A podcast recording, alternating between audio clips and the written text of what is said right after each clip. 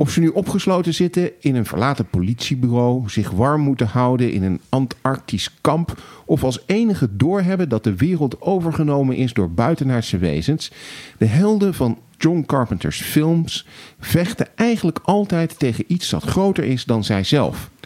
Soms is er een sprankje hoop dat ze opgewassen zullen zijn tegen het kwaad. Kurt Russell redt dan met prachtig ethisch haar de dag. Maar veel vaker leidt de strijd op voorhand verloren. Michael Myers staat steeds weer op uit de dood. The Thing blijkt niet te stoppen. En de wereld komt minstens drie keer aan zijn einde. Wat fascineert ons in de films van John Carpenter? En is hij eigenlijk wel de Master of Horror en de Prince of Darkness? We gaan het erover hebben in Kiki Dingen.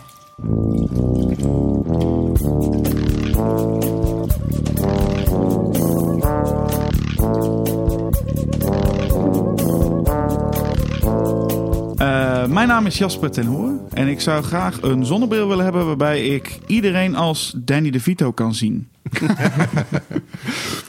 Mijn naam is Tom Amoes en ik zou eigenlijk wel net als in They Live een zonnebril willen hebben waarmee ik de ware betekenis achter allemaal kapitalistische propaganda kan zien. Hmm. Mijn naam is Sonny Kemkes en ik zou graag een zonnebril willen hebben waarmee ik, uh, net als Nicolas Cage in Next, uh, een stukje in de toekomst zou kunnen kijken. Ah. Um, zou handig zijn bij roulette onder andere. Kijk, ja. Nou, mijn naam is dus Sidney Smeets. En ik zou wel een zonnebril willen hebben waarmee ik kon zien of iemand de waarheid spreekt of niet. Hmm. Um, u hoorde het al, luisteraar. We hebben twee gasten vanavond aan tafel. Allereerst uh, Jasper ten Hoor. Welkom. Um, mensen zouden jou kunnen kennen van een andere podcast, namelijk de Schokkend Nieuws podcast. Um, misschien kun je aan de luisteraar vertellen wie je bent en wat je doet. Ja, nou, mijn naam is dus Jasper. Uh, ik ben in het dagelijks leven filmmaker. Uh, al zes jaar een uh, eigen filmbedrijf, Headshot genaamd. Daarbij doe ik regie, scenario en montage zijn vooral mijn afdelingen. En ik schrijf voor, uh, ik zit in de redactie van Schokken Nieuws, het filmblad. En dat doe ik ook de podcast samen met Julius Kortsier, die al eens een keer hier ook uh, te gast was. En ik doe ook nog eens de video's voor Schokken Nieuws. Nice. Welkom. Ja, Leuk dat je er bent. En onze uh, andere gast, die hebben we al eens vaker aan tafel gehad. Dat is Sonny Kempkes. Maar voor de luisteraar die pas voor de eerste keer inschakelt bij deze podcast. Wie ben jij? Um, ja, ik ben dus Sonny Kemkes. Ik uh, kijk heel veel films en uh, tweet daar ook veel over. Ik heb een tijdje filmrecensies geschreven. Um, en op die manier probeer ik een beetje mijn uh, mening over films naar buiten te dragen. Ja, leuk. Mensen kunnen je ook volgen op Twitter voor, ja. voor filmtips. Zeker. Ja. Nou, zoals iedere aflevering gaan we gewoon weer beginnen met onze terugblik. Uh, wat hebben we gezien, gehoord, geluisterd, gelezen uh, in de afgelopen tijd uh, op geeky gebied? En dan beginnen we maar weer bij Jasper. Ja, het eerste waar ik aan moest denken wat ik gezien heb is het laatste in de bioscoop. En dat was afgelopen weekend in um, Weathering With You.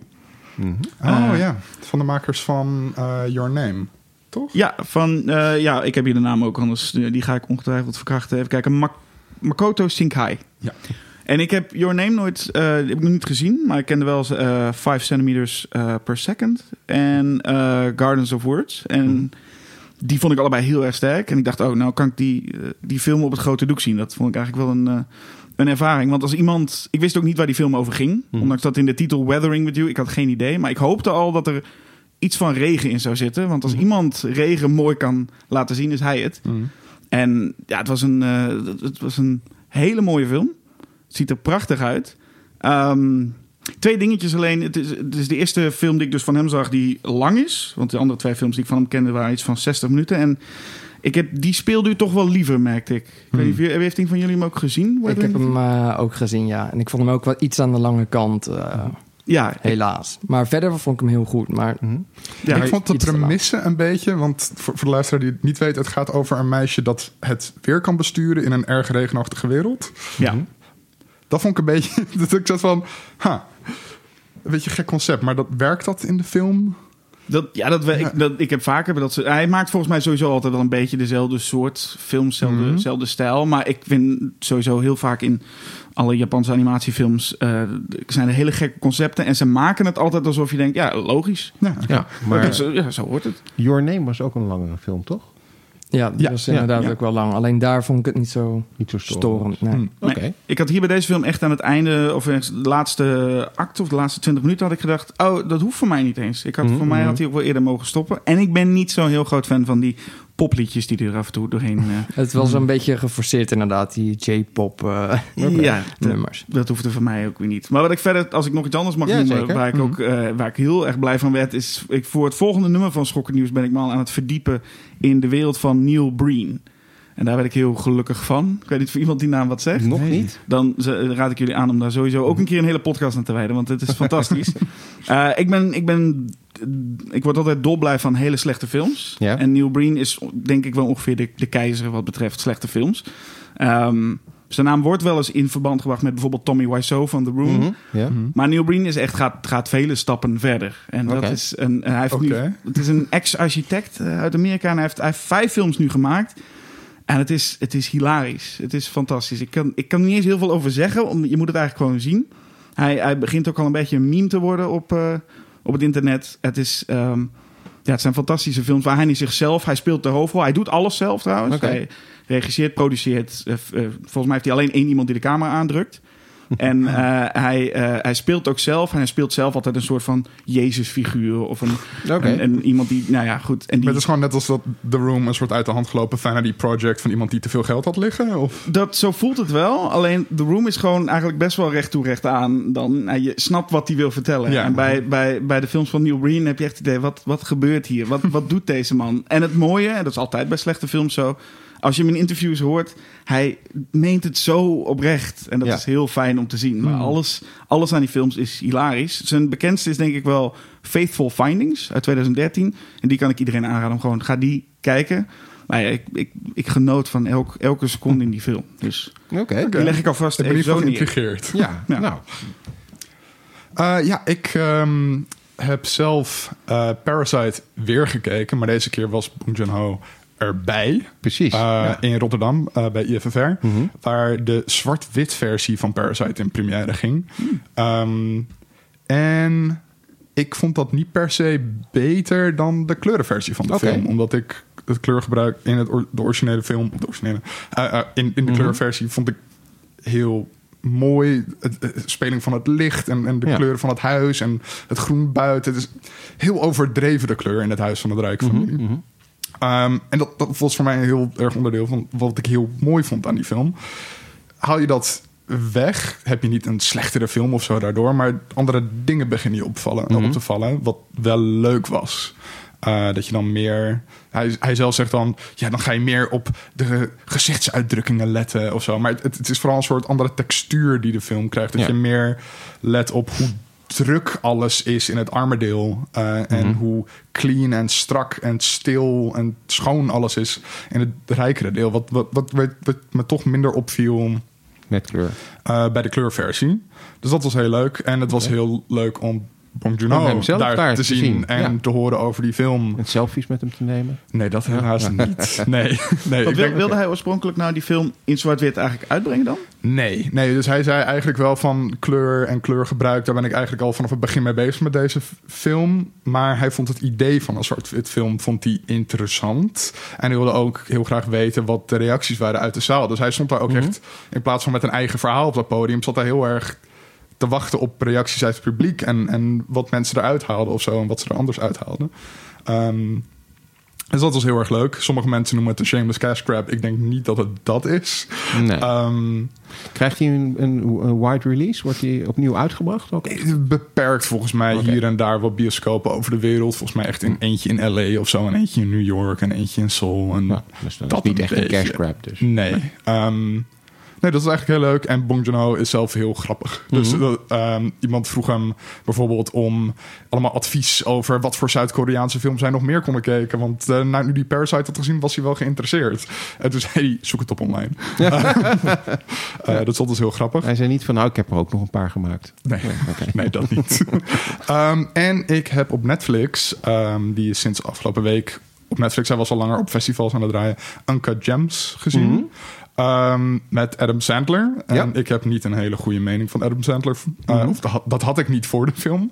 Ehm, En jezus man, wat goed. Ja. Ehm, Ik, ik zag Echt een- fantastisch. een- ene Sonny Kemkers er ook al van alles Ja, leggen dat, eh, op dat Twitter. klopt. Ja, ik had hem ook eh, opgeschreven, inderdaad. ja, Ik werd er heel erg gestrest van. heel erg. Ik was eh, uitgeput aan het einde het, van de film. echt geen, het is geen fijne film om te kijken. Hoef me ook nooit meer eh, te Nee. zien, denk ik.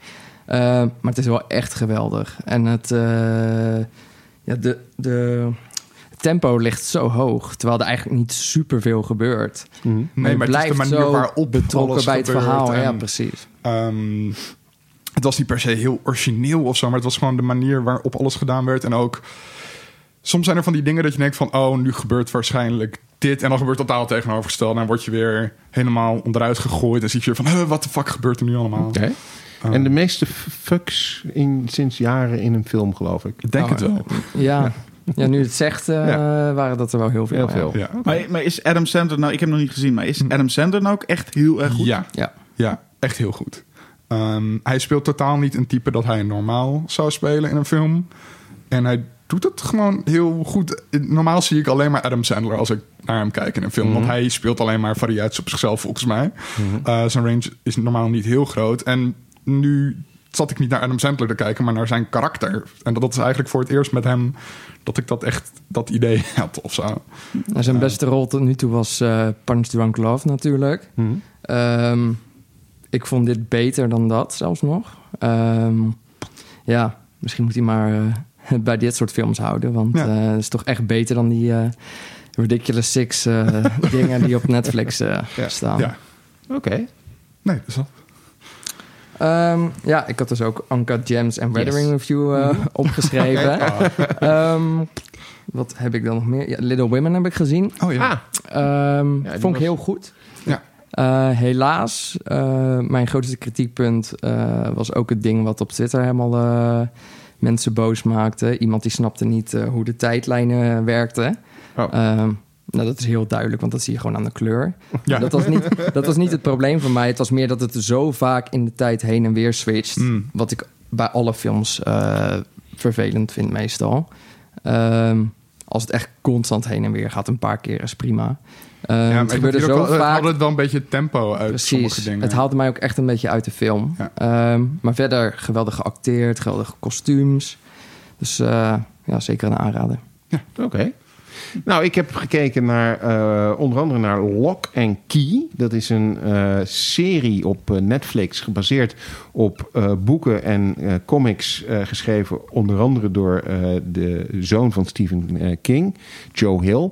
Ehm, en het gaat eigenlijk over een familie, die familie Lock, die ehm, de vader van dat gezin is overleden. Of nou ja, overleden, die is vermoord. En eh, de kinderen, drie kinderen en de moeder besluiten dan om naar het ouderlijk huis van vader te verhuizen. En dat huis dat heet Key House van de familie Lok. Dus het is niet heel origineel bedacht. Maar eh, als ze daar dan aankomen, dan eh, blijken er inderdaad in dat, dat die naam Key House ook niet eh, zomaar is bedacht. Want er zijn allemaal sleutels in dat huis. En met die sleutels kun je niet alleen deuren openen, maar je kunt er ook nog andere eh, dimensies of andere dingen mee ontdekken. Eh, en dat gaan die kinderen doen. Het begint eigenlijk met eh, het jongste kind, Bodhi. Dat is het jongetje die je kent uit It. Het kleine jongetje met het regenjasje die zijn arm kwijtraakt. Die speelt dat heel, heel leuk. Ehm, en zijn oudere broer en zus, die geloven hem in eerste instantie niet. En die nou ja, die gaandeweg komen erachter dat er toch wel wat meer aan de hand is met dat huis. Het is eigenlijk best wel, wel leuk gedaan. Het ziet er eh, oké uit. Het is niet ongelooflijk eh, goed qua special effects. En, eh, ik las ergens dat iemand zei van ja, misschien hebben ze het ook wel gedaan omdat ze niet willen dat deze serie eh, mensen afschrikt als, als zijnde van te horrorachtig of te sci-fi-achtig. Ehm, maar het is, het is leuk gemaakt. Het wordt leuk geacteerd. En ehm, eh, nou ja, dit eerste seizoen heeft een mysterie. Dat wordt ook gewoon opgelost in dat eerste seizoen. En dan is er natuurlijk nog wel iets wat blijft hangen voor het tweede seizoen. En nou, dat gaan we als het goed is wel krijgen. Want volgens mij vinden mensen het, eh, het leuk. En je kunt het gewoon kijken op Netflix. Dus Ik, ik, eh, het viel me op dat dit een van de eerste Netflix-series is waarbij ik echt veel reclames voorbij heb zien komen op tv ook. ja, Ehm, wat totaal weirde reclames waren. Het was Mhm. alleen maar een clipje van iets in dat huis met een soort omgedraaide stem. Ja. En verder niks. Ehm, Het is... ja, eh, dus ze, ze hebben een beetje hype uh, eromheen ja, proberen nou, te bouwen. dat, dat, dat, dat is op zich wel terecht. Het is een beetje Stranger Things-achtig, maar Stranger Things is wel aanzienlijk beter, eh, moet ik erbij zeggen. In ieder geval het eerste seizoen. Maar nee, wel de moeite waard om even naar te kijken. Je bent er ook zo doorheen, want het zijn maar, ik geloof, tien afleveringen of zo. Dus je hebt het, snel gekeken. Ehm, ja, en verder de Oscars. En daar moeten we het misschien toch even over hebben. Eh, Bong die, zijn, eh, die zijn uitgereikt, inderdaad. En eh, Parasite heeft er vier eh, gewonnen, waarvan twee voor beste film. Namelijk als beste film en als beste buitenlandse film. Heeft iemand het gezien ook eigenlijk? hè? Nee. Dan... Ik ben in, in slaap gevallen. Oh. Oh, Ja. het was ook geen host, geloof ik, toch? Ik weet... Nee, dat was vorig jaar ook. Dat allemaal verschillende mensen doen gewoon eh, losse stukjes presenteren. Oké. Ja. Ja, maar wat, voor- eh, eh, wat vinden we daarvan? Eh, Parasite eh, in, in twee categorieën als Ik, beste eh, film. ik was heel erg blij, ja zeker. Hmm. Ja. Moet je je toch niet voorstellen dat eh, Joker gewonnen zou hebben. Of? Oeh, Ja, ja. nee. ehm, Ook nee, al, ik snap best als mensen dat een prima film vinden. Maar. Maar beste film, voelde het niet... Het voelde me voor mij een beetje als van... Dat hebben we toch bewust gedaan om een beetje er tegenin te gaan. Ik had bijna het gevoel dat de Oscars, zoals ik ze ken in ieder geval... Dat ze gewoon 1917 hadden willen doen. Ja, dat dat- Bong Joon-ho zei dat nog En op, dat dacht op JFFR, dat hij dat verwachtte. Ja, maar dat iedereen dat verwachtte. Dat ze ergens dachten, we het maar niet doen? We een beetje verrassend gaan doen? En dat dat daardoor is gekomen. Maar dat, dat gevoel krijg je daardoor een beetje. Maar het is alsnog wel een terechte winnaar, overigens. Ja, nou ja, eh, Joker heeft wel iets gewonnen. Althans, eh Joaquin Phoenix heeft eh, iets gewonnen. Eh, als beste acteur, beste mannelijke hoofdrol. En eh, in zijn acceptance speech eh, eh, citeerde hij een, eh, een, een, een songtekst van zijn, van zijn broer, River, River Phoenix, die natuurlijk overleden is. Dat was op zich wel aangenaam. Ah, dat kwartje valt nu pas bij me dat het Ah. broers zijn. Dat valt nu pas? Nou ja, dat is nooit beseft. Dat gewoon, oh ja, Phoenix, Phoenix. River, ja. River Phoenix heet natuurlijk River, rivier. Joaquin heet eigenlijk Leaf. Oh. Leaf Oh. Phoenix. Ja. Huh. Ja. Eh hij had een hele, hele, hele hippie ouders. eh, ja. geweest. Ja, Ja, hele mooie uh, biografie over geschreven. Kun je het allemaal lezen. Ehm, nou, beste vrouwelijke hoofdrol ging naar Renee Zellweger.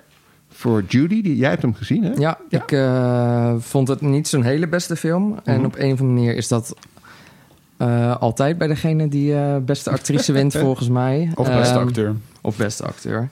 Ehm, maar zij trok die film echt wel naar een hoger eh, niveau. Dus eh, ik vond hem zeker terecht. En ze zingt ook alles zelf, wat Ja. echt eh, heel indrukwekkend is. En dan, ehm, even kijken hoor, wat hebben we dan nog? Eh bijrol, Laura Dern voor eh, Marriage Story. Ik, had, En, ik moet echt zeggen dat ik dat niet verwacht had. Dat Marriage Story voor die... eh, die categorie. eh, zou winnen. Ik had eerder verwacht dat voor beste man of beste vrouw in een lead ze- zouden winnen. Want ik vond Scarlett Johansson en Adam Driver Waren allebei heel goed daar. Ja. Eh, en beste bijrol mannelijk was voor Brad Pitt in Once Upon a Time in Hollywood. Ja, die snapte Hoewel- ik echt niet zelf. Nee, hoewel ik dacht van ja, is dat eigenlijk wel een bijrol? Dat is een goede vraag. Maar dat heb je ieder jaar dan... eh, kiest de distributeur, kiest Hmm. waar het invalt. En het is natuurlijk beter om er één in de eh, gewone acteur eh, hebben... en één in de bijrolacteur. Maar jij vond hem ook niet goed ge- geacteerd. Nou, ik, ik, meer, ik heb er wel inderdaad wel eens hevige discussies met mensen over gehad. Dat die, die Once Upon a Time in Hollywood geweldig vonden. Maar ik, ik, de film prima en DiCaprio ook prima. Ik vond Brad Pitt gewoon dat ik dacht... is dat nou echt de rol waar je de Oscar Mhm. mee wint? Ik vond het nou niet echt een rol die me nu bijgebleven is. Van ja, dat was me toch een rol... Ja, ik snap dat wel. Want het is ook... Hij... Het is gewoon een hele goede performance hoor. Dat niet. Het Ja. is gewoon... Het is fijn. Maar het doet niet het beste acteerwerk van zijn leven of zo. Ook omdat dat niet no echt nodig is voor die rol of zo. Nee, maar als ik Dus hem, het is ook hem- geen verwijt, maar... Nee, maar als ik hem in, in, in Inglourious Bastards... ik kan nog steeds de, echt die rol... Mhm. zit me nog- die, die blijft me nog wel bij. En daar denk ik van, nou, daar had hij best wat voor mogen winnen. Maar, maar bij deze rol denk ik... ik zou niet weten waar... wordt hij hier nou aan herinnerd straks? Dat Brad Pitt, de man van... die Nee. rol van, van stuntman... Nou, ja. Ik denk dat hij in ieder geval herinnerd wordt omdat hij gewonnen heeft van Tom Hanks, Anthony Hopkins, Al Pacino en Joe Pesci. Ja, dat is wel... Eh, in die rij, eh Brad Pitt is een goede acteur, maar in die rij zou je hem niet inderdaad verwachten, denk ik. Nee. Nee. Eh, nou ja, verder eh, allemaal niet zo hele verrassende eh, winnaars, denk ik. Eh, op, op zich vond ik de beste filmscore eh, voor Joker nog wel opvallend, hoewel het een hele goede score ook is. Maar ik had eigenlijk gedacht dat hij gewoon naar John Williams eh, zou gaan voor eh, Rise of Ja, Skywalker. ook als een soort van nod Ja. van... dit is je laatste Eh, keer dat je dit doet. ja. Gefeliciteerd ermee. Eh, Toy Story 4, beste animatiefilm. Dat is altijd een beetje opmerkelijk, want bijna alle andere animatiefilms zijn eigenlijk op zijn minst net zo goed, zo niet beter. Maar goed, het is Toy Story, dus die wint. nou, daar ben ik Eh, het niet helemaal mee eens hoor. Oh? Ik vond Toy Story 4 echt heel goed. Ja, is ook een hele goede film, maar... En ik vond de andere niet beter. Nou, in ieder geval niet How to Train Your Dragon. Daar ben ik het wel mee. Nee, Nee, Miss- Missing Link vond ik eh, heel leuk en dat zag Ja. er heel goed uit. Maar Klaus, I Lost My Body. die heb ik, Klaus heb ik eh, niet gezien. Maar Oh. I Lost My Body heb ik wel gezien. Eh, vond ik ook heel interessant. En ik denk dat de Oscar-nominatie zelf al een prijs was voor zo'n Voor zo'n film. originele animatie. Ehm, het verhaal was niet super sterk eh, in het laatste deel van de film.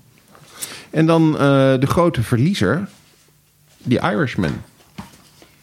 Ja, want die heeft, eh, heeft het niet gehaald met al zijn, eh al daar- zijn nominaties. Daarvan zou je, wat je met Ja. John Williams zei, ook een beetje denken dat ze zeggen: Martin Scorsese, nou, hier, hier heb je het dan voor je Mhm. hele.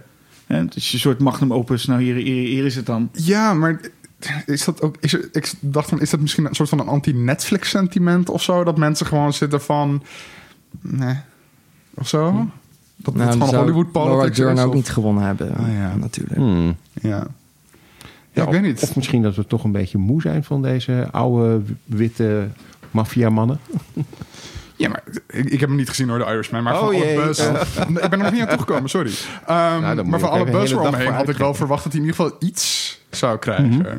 Ja. Ehm, op zijn minst voor de visual effects had hij ook iets voor kunnen krijgen. Right? Met zijn de-aging Ja. dingen. Nou, ik, ik heb hem ook nog niet gezien, maar volgens mij wat ik van iedereen hoor is dat die aging nog niet helemaal daar is waar het moet zijn, toch? Dat is in ieder geval wat ik Ik steeds eh, niet gezien. Linda, Nee, oké, maar ik, Linda vond het eh, volgens mij nogal vervelend, eh, inderdaad. Ja. Ik stoorde me er niet zo aan. maar- Nee, het is een beetje of je er overheen kan zetten. Als je er niet Dat is overheen niet kan goed zetten, genoeg. ja, dan Dat is je het... van, dat als het daarvan afhangt, of je Ja, maar jezelf dat overheen komt, kan Maar zetten. dat komt omdat je, omdat je die... ehm, je kent die mensen gewoon in de leeftijd die ze nu hebben. Hmm. Want, dat, want, nou ja, die spelen nog steeds allerlei rollen in die leeftijd.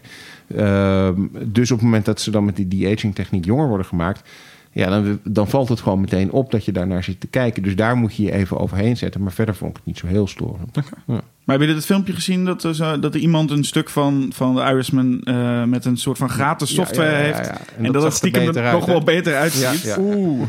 Dat, je ziet toch bij een van de- die stukjes die ik zag inderdaad... je ziet toch gewoon die, die, die oude kop van de Neo er doorheen komen. En bij die andere, bij die gratis software, had je dat een stuk minder. Ja, maar dat is een soort... Oh ja, dat, volgens mij heb ik dat inderdaad gezien, maar dat is een soort face-swap eh, technologie voor zo'n deepfake. Ja, Ja, zo'n deepfake ding. inderdaad. En die zijn al Um, zo ver dat je eigenlijk al, nou ja, best wel... Ja, ook dat je daarmee dus kan. ook gewoon een jonge El Pacino kan pakken... en kan zeggen, laat hem er zo uitzien... in plaats van dat je de oude El Pacino pakt en Ja. die dan gaat de-agen.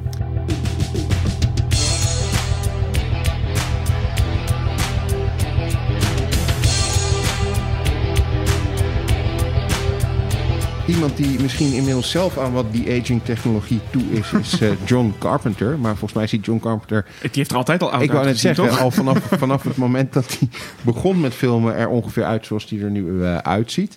Ehm, maar we gaan het dus hebben over eh, John Carpenter en zijn films. En we zitten met twee experts aan tafel. Want jullie hebben allebei volgens mij wel iets met John Carpenter films.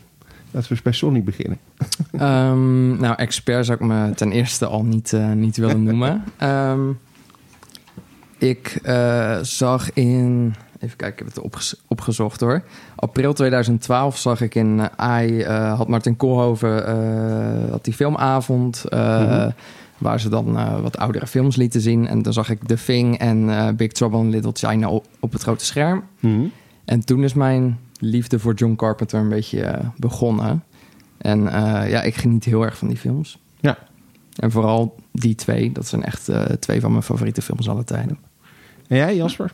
Ja, ik zou bijna zeggen, hoe kun je niet genieten van een John Carpenter film, toch? Ik denk zelfs dat iemand die het niet... Ja, er is zoveel en zo uiteenlopend. Maar voor mij was het ook, volgens mij toen ik, toen ik kind was, had ik, had ik, zag ik The Thing al en, en Halloween dan. En dat was toen fantastisch en nu nog steeds fantastisch. En ik denk, als ik het over 20, 30 jaar zie, is het nog steeds fantastisch. Ja. Lijkt mij. En jij had nog nooit een John Carpenter film gezien. Ja, nou, wel. Dus Ja. voor onze ehm, eh, horror special vorig jaar Halloween, of twee jaar terug Halloween nu, Ja. ehm, heb ik Halloween gekeken. Ja. Ehm, en dat was de enige John Carpenter film die ik heb gezien tot twee weken terug. Dus ik heb Ja. nu heel snel heel veel gekeken. Mhm. Ehm, en ik vond het heel erg leuk. Oké. Ja, ik heb me goed vermaakt eh, Nice. met alle films. Oké. En wat maakt, eh, want dat, eh, laten we dat als eerste eens nemen. Wat maakt een film tot een John Carpenter film? En de reden waarom we die vraag ook een beetje stellen is omdat wij in deze podcast heel vaak zeggen dat de auteur dood is. Ehm, Maar Linda John is er nu niet, dus nu kunnen we het er helemaal Ja, over precies. Maar, precies. Eh, maar John Carpenter is denk ik wel een, een, een regisseur die je ook een auteur zou kunnen noemen. Maar misschien vinden jullie dat helemaal niet. Dus ik ben benieuwd. Wat, wat maakt John Carpenter's films tot John Carpenter films? Hmm. Er wordt heel diep nagedacht nu aan tafel. Nou, ik moet meteen denken aan het feit dat John Carpenter zelf ook van zijn eigen van bepaalde films zelf, zelf zegt dat het geen John Carpenter Ja. films zijn. Mhm. Zoals Ah. Starman bijvoorbeeld, Mhm, klopt. waar die heel duidelijk is. Dus ik heb ook het idee dat hij kan heel veel Mhm. en hij probeert ook heel veel uit.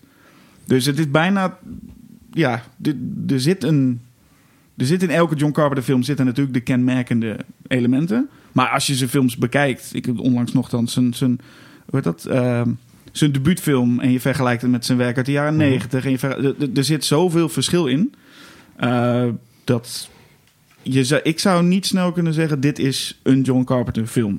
Oké. Jij? Ja, ik vind het ook lastig, want het zijn inderdaad eh, heel erg uitlopende films.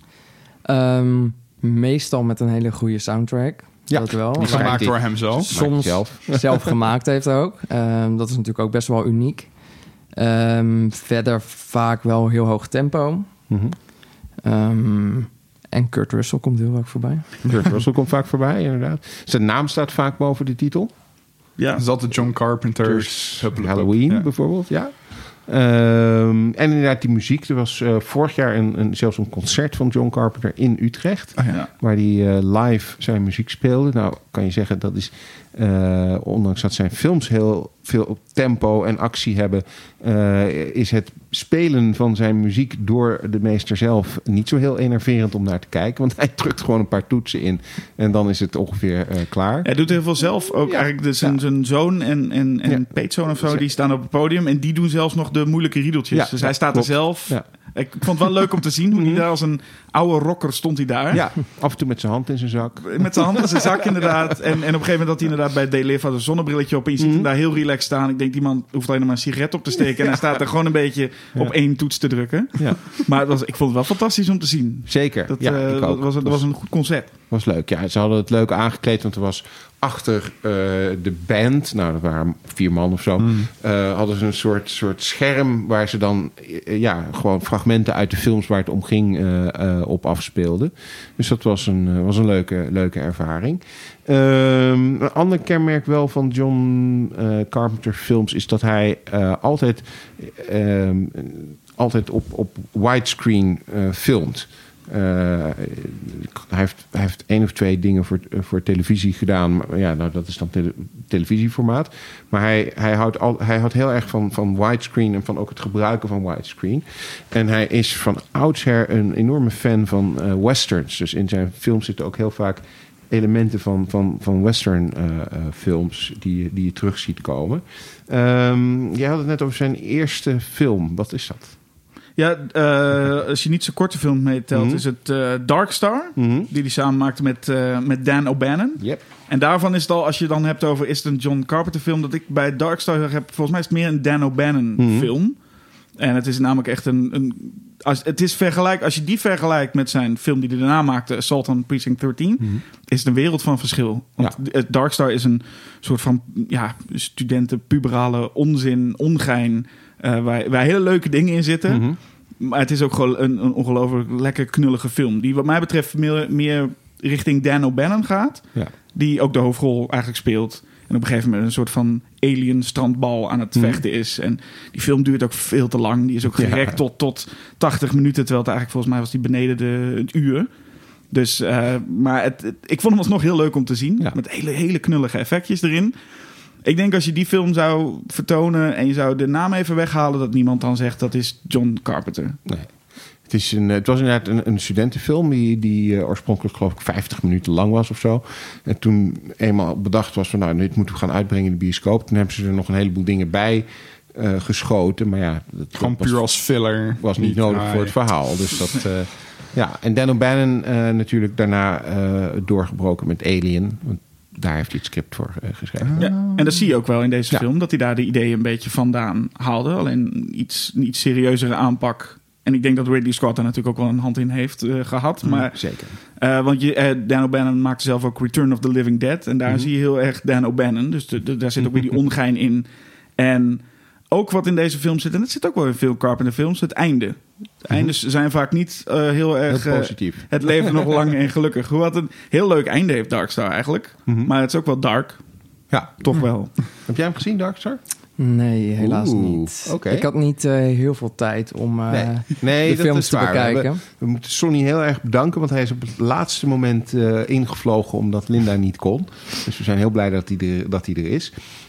Nou, Darkstar is wel de moeite waard om even te, te, te kijken. Gewoon weg vanwege de plaats in de filmgeschiedenis die die film inneemt. Maar ja, hij is niet heel goed. Het is, het is, het is ja, nee. Vaak ook wel volgens mij bewust, dat zie je wel. Mhm. Maar het is, eh, nee, hij is gewoon geestig eigenlijk. En, en, en lekker knullig. En daar vraag ik me eens af en toe bij die effecten wel eens af. Als je zo'n ruimteschip vliegen, dat je net de touwtjes nog niet ziet. Mhm.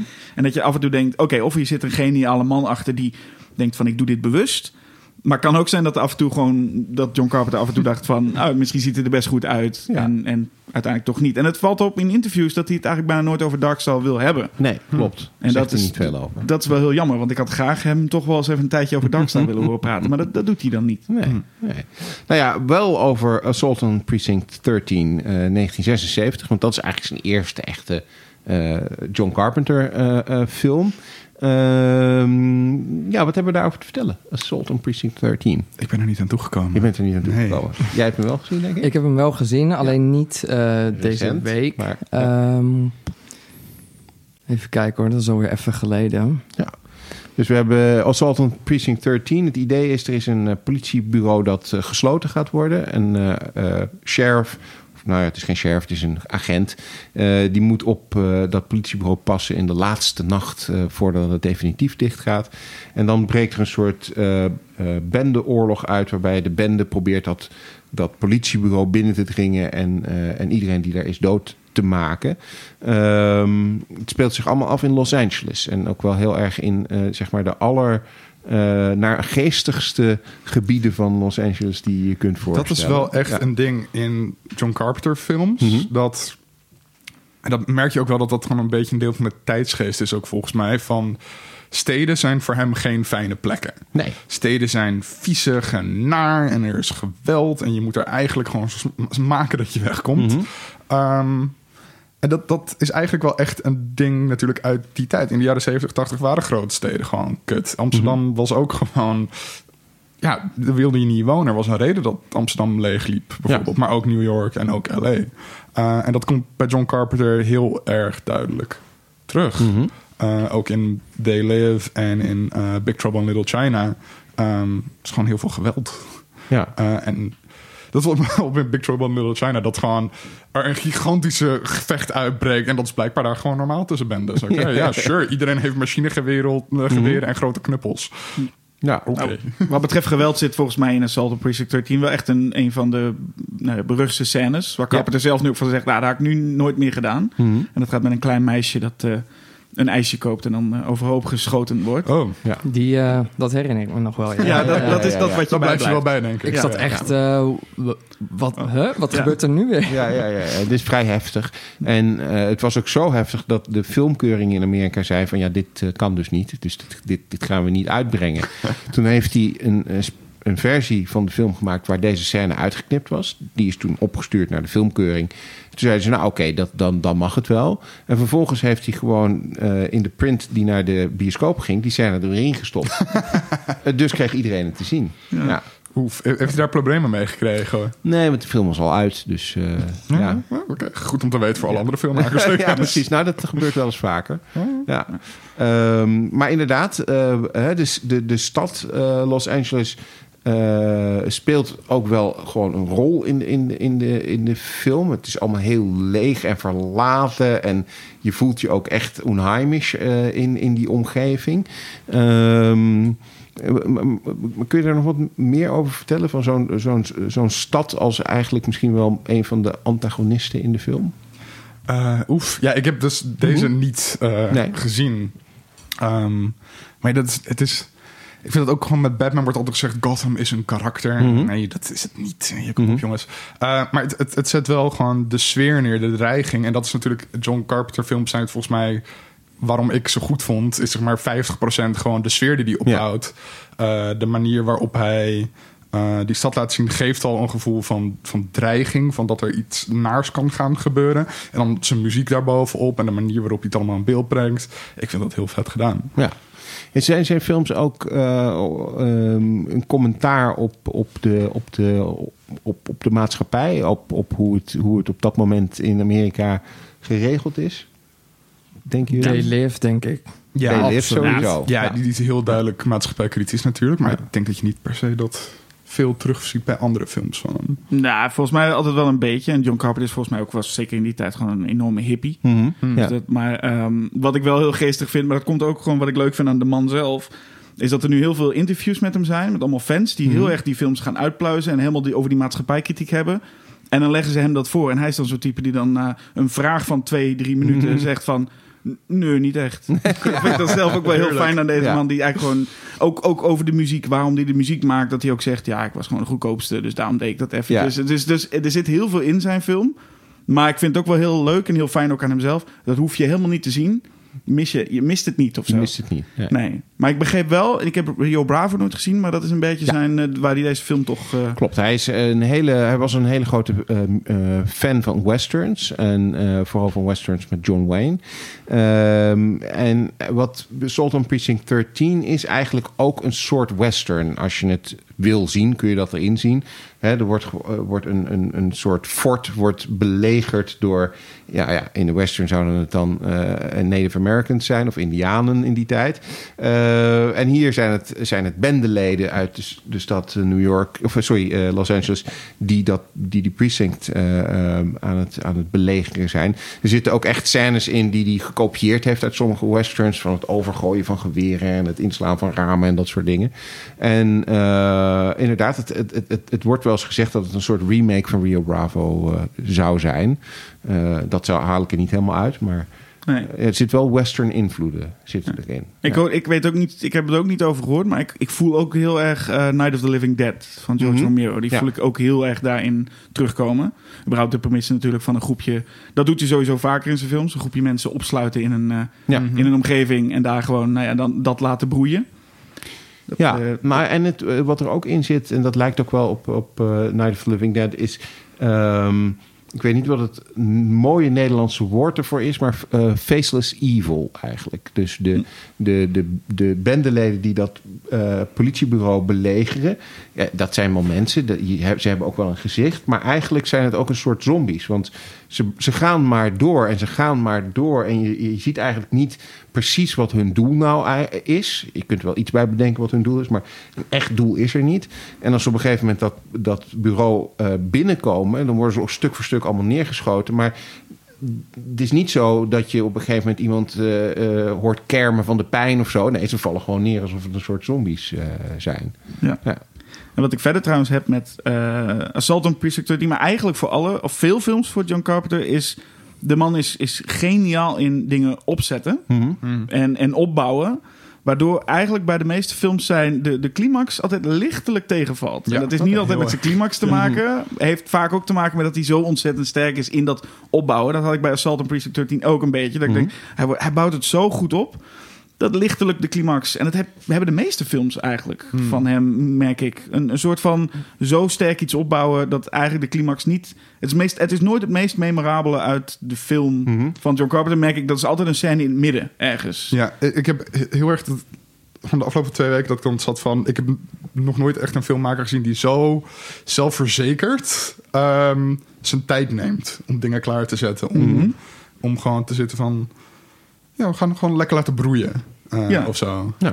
Eh, dat, dat, dat vond ik echt heel tof om te zien. Zelfs al heeft alles een soort van B-film sensibility. En is het niet artfilm of zo? Is dat gewoon dat je ziet gewoon dat is een hele goede filmmaker die gewoon precies weet wat hij aan het doen is en het heel skilled doet. Ja. Heel vet. Klopt. Ja, je ziet dat, eh, denk ik, in zijn vol- volgende film ook heel duidelijk terugkomen. Halloween. Eh, ook een film die, die, die eigenlijk nou ja, voor 90% opbouw is. En dan eh, ja, aan het einde eh, eh, komt het allemaal samen. Maar dat is eigenlijk maar een heel kort moment. Hè, dat, Ja. dat, er echt iets gebeurt met, met Michael Myers. Ehm, 1978, de meest, althans inmiddels niet meer, maar lange tijd de meest succesvolle onafhankelijke film ooit. Eh, ja, heeft er voor 300.000 dollar gemaakt en miljoenen en miljoenen dollars mee verdiend. Eh, dus dat, ja, de- goed voor hem. Ehm, Halloween, klassieker. Ehm, wat vond jij van Halloween? Wat een vraag. Eh, geweldig. Ja. Ehm, ik heb hem volgens mij anderhalf jaar geleden pas voor het eerst gezien. Mhm. En eh, nou, iedereen heeft er natuurlijk al, eh, je hebt er alles al over gelezen. Ja. En toch eh, pakt het mij meteen. Ja. En ja, het liet me echt niet meer los Ja. gedurende de hele film. Ja, het is, eh, hij, wordt ook wel eh, omschreven als de film waar het slasher genre mee is uitgevonden. Eh, Dat is niet helemaal waar natuurlijk. nee, daar kun je over twisten. Maar goed, het is in ieder geval een van de eerste en, en succesvolste. Het is wel degene die de boost gaf. Want Ja. daarna werd het, werd het één grote, grote zooi met, met weet ik hoeveel slashers tegelijkertijd. Mhm. Maar hij was wel een van de eerste. Ja, Black Christmas komt altijd ervoor. En, Ja. en, en natuurlijk alle Giallo, Italiaanse Itali- Giallo-films waren er nog voor. Maar hij maakt het wel echt... Nou ja, hij heeft het groot gemaakt met, met die film. Ja, hoewel er dus eh, eh, geen bloed in de film voorkomt. Nee. Nee, dat is, dat is, maar ja, dat is, dat is, dat is vaker zo bij, bij dat soort films. Volgens mij dat mensen het wel nog denken. Dat heb je natuurlijk Ja. met Texas Chainsaw Massacre ook. En Psycho. En Psycho, dat mensen denken dat het een hele gruwelijke film is, maar dat eigenlijk helemaal niet is. Mhm. Maar dit is inderdaad zo'n film waarbij je... Volgens mij heeft niemand het ook echt over die climax van Halloween. Mensen Nee. hebben het altijd over... eh, ik in ieder geval, het enige wat ik me steeds... Als ik aan Halloween denk, denk ik aan Michael Myers... die op klaar daglicht daar staat, ergens. En volgens mij zijn er nog... Ja. Ik heb, de, ik heb de film echt al heel vaak gezien. Ik denk dat er nog steeds shots zijn waarbij ik Michael Myers nog niet gespot heb. Het is een soort Mhm. Where's Waldo-achtige ja, achtige film. Waarbij je de hele tijd denkt, oh, hij staat daar ook nog op de achtergrond. En, dan, en ik moet zeggen, ik, toen ik de film voor het eerst zag, zag ik hem op video. Mhm. En dan kreeg je zo'n pan-and-scan versie. Dus dat was Ja, ja, 4 ja. bij 3. Mhm. Waarbij dat, die film totaal niet werkt. Want deze film werkt alleen maar op Op widescreen. widescreen. Waarbij je echt inderdaad in een hoek ergens... Dat is geweldig camerawerk ook. eh, Ja. Bij, eh, en, en belichting.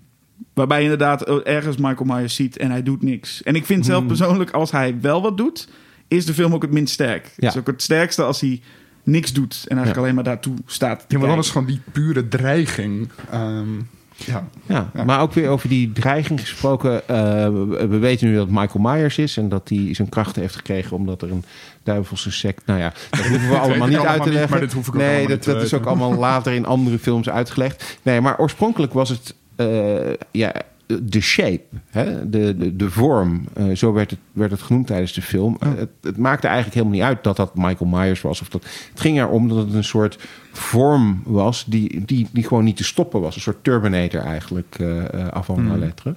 Ehm, en wat ook wel weer interessant is, denk ik, is om dit nou eens te vergelijken met, als je het vergelijkt met Assault on Precinct 13, LA, eh, eh, gevaarlijk, eh, alles daar in de omgeving is gevaarlijk. Ook al is er niemand, dan is het eigenlijk nog gevaarlijker als er niemand is. Mhm.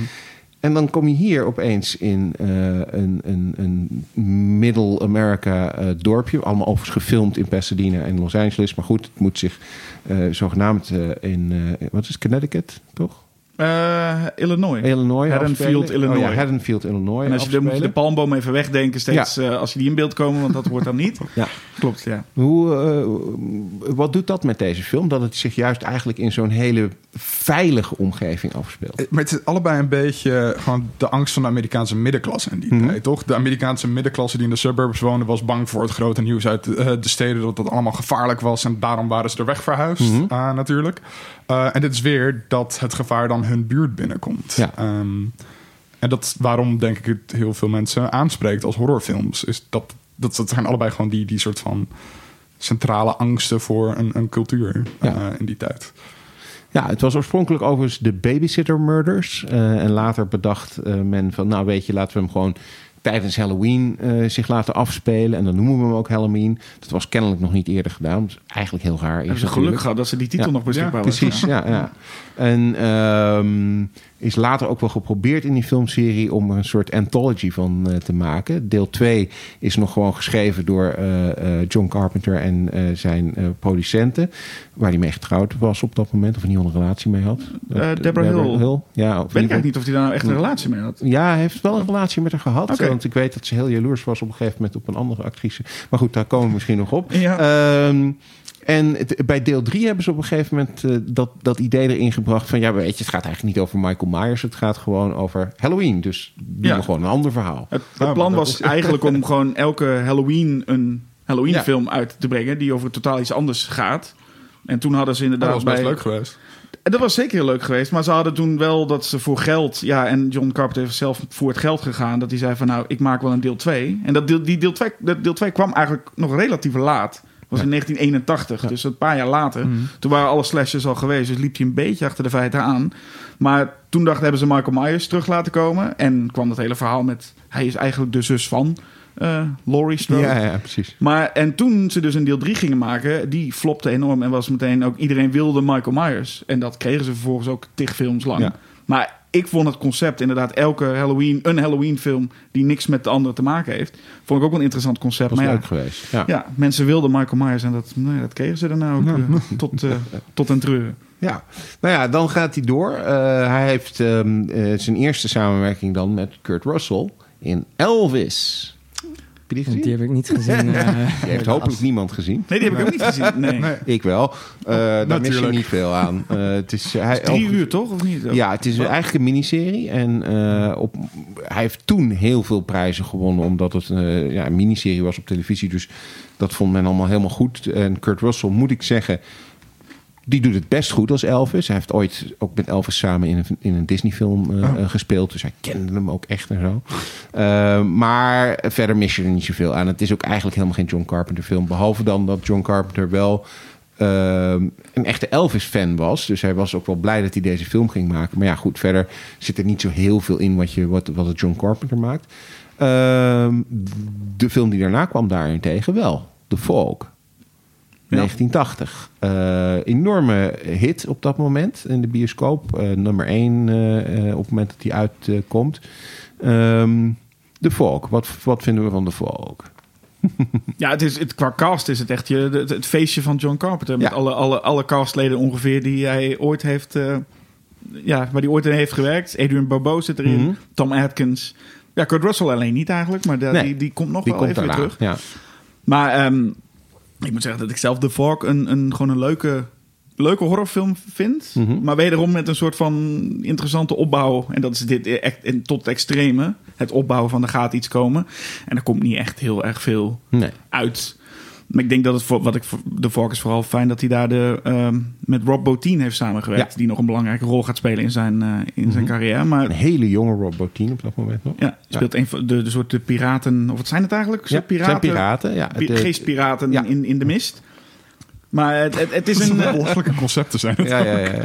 Wel heel fijn hoor. Ja, maar het, het, het werkt wel. Het is ook wederom in zo'n zo'n zo'n slapend plaatsje eigenlijk. Is heel erg een beetje zo'n. Kon zo van Stephen King ook zijn, merk ik. Ja, dat is, dat, dat- Zeker. Ja. Hij film. vond het pla- eh, plaatsje waar ze het gefilmd hebben, is ook weer vlakbij LA. Eh, vond hij zo leuk dat hij er een huis heeft gekocht ook. dus eh, hij, hij vond het idyllisch. Ehm, jij de Fok gezien? Ja, zeker. En? Ehm, ja, ik had een beetje hetzelfde. Ik vond het aardig. Eh, opzet was eh, heel interessant. Alleen Mhm. eh, de, ja, wat het dan is, dat, dat, ja, dat viel dan toch een beetje tegen. Ja, het concept is op zich wel. Ja, het is inderdaad maar eigenlijk een heel simpel concept. Er is, er is, een, er is mist. Ja. daar, daar zit iets in. ja, dat is dat het. is het. Ja. Maar ik denk sowieso dat alle, alle films die. Elke horrorfilm die hij na Halloween zou maken, zou natuurlijk lichtelijk tegenvallen. Want dat krijg je niet nog een keer. En volgens mij toen hij Elvis aan het maken was, had hij niet eens door dat Halloween zo'n hit was Nee, geworden. klopt, klopt. Dus ja, logisch dat hij daarna meteen wordt neergezet van... nou, jij moet de volgende grote horrorhit maken. Dus ik, volgens mij mag hij al lang blij zijn dat het een hit was. Geworden is. Ja. Ja, oké. Nou ja, dan komen we bij de, de, de, de vraag van, van, van wat is nou een, een, een John Carpenter held? Wat, wat zijn de helden van zijn, eh, zijn films eigenlijk? Want de volgende film die hij gaat maken is eh, meteen eh, Escape from New York. Dus zou je kunnen zeggen, ja, zijn held is Kurt Russell, maar Ja, bijna wel. Ehm, Het zijn vaak anti-helden bij, Mhm. John Carpenter. Van die, van die mensen waar je eigenlijk... Wat, volgens mij is Snake Plissken inderdaad het schoolvoorbeeld van zo'n man die eigenlijk... Het is eigenlijk geen held, nee. maar, want hij vecht gewoon voor zichzelf.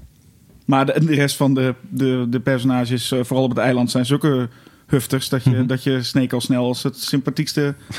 sy- Karakter ziet, ja. wat veel zegt inderdaad dan. Ja. ja. Ja. Maar nee, het is, het- dat is natuurlijk wel, dat is wel echt een fantastische film, Escape from New York. Toch? Die- Ja. Dat, dat, dat is wat mij betreft een van zijn grootste meesterwerken. Zijn zijn één na beste film, wat mij betreft. En wat ik vooral heel leuk vind aan Escape from New York is dat je denkt, het is een soort actiefilm. Mhm. Maar hij is zo ongelooflijk rustig en kalm. Je hebt op een gegeven moment Kurt Russell, die zit tegenover Lief en Cleve. Mhm. Cleve, Cleve? Kleef. Cleve, Cleve. en je hebt het gevoel van dit kunnen nu twee macho mannen worden die tegen elkaar gaan schreeuwen. En ze zijn ongelooflijk aan het fluisteren. Nog net niet echt aan het mompelen. Mhm. En Snake Plissken zegt ook niet zoveel en die mompelt een klein beetje. Dat vond ik er heel mooi aan. Het is helemaal totaal geen schreeuwerige film. Tot we in New York eh, Isaac Hayes zien. Ja. Met een soort van gigantische auto met een kroonluchter op het, Ja, op twee koningen. Met twee kroonluchters. Ja. de- dan denk je, dit, oh ja, dit, dit, eh, dit ja, knotsgekke Ik, ik vond wel echt gewoon Snake Plisskens als karakter. Hoe je het bedenkt. Gewoon, hij heet Snake Plisskens. En hij heeft een snake tattoo op zijn buik. Ja. En het is een erg coole man. Ja, ja. Het is echt zo, wat de hel? Maar het is wel een hele coole man, toch? Ja, maar ook weer niet, want het is, weer, het is zo, Zo. zo bedacht dat het cool gaat zijn. Of zo. Ik, I don't Nee, know. het was, kom- het, was, het was echt bedacht als een soort reactie op eh, eh, Death Wish eh, en dat soort films. Ze hadden ook oorspronkelijk Charles Bronson bedacht voor de rol van Snake Plissken. Mm. Eh, maar John Carpenter zei van nee, die is veel te oud, die, die wil ik niet. Dus we nemen eh, Kurt Russell.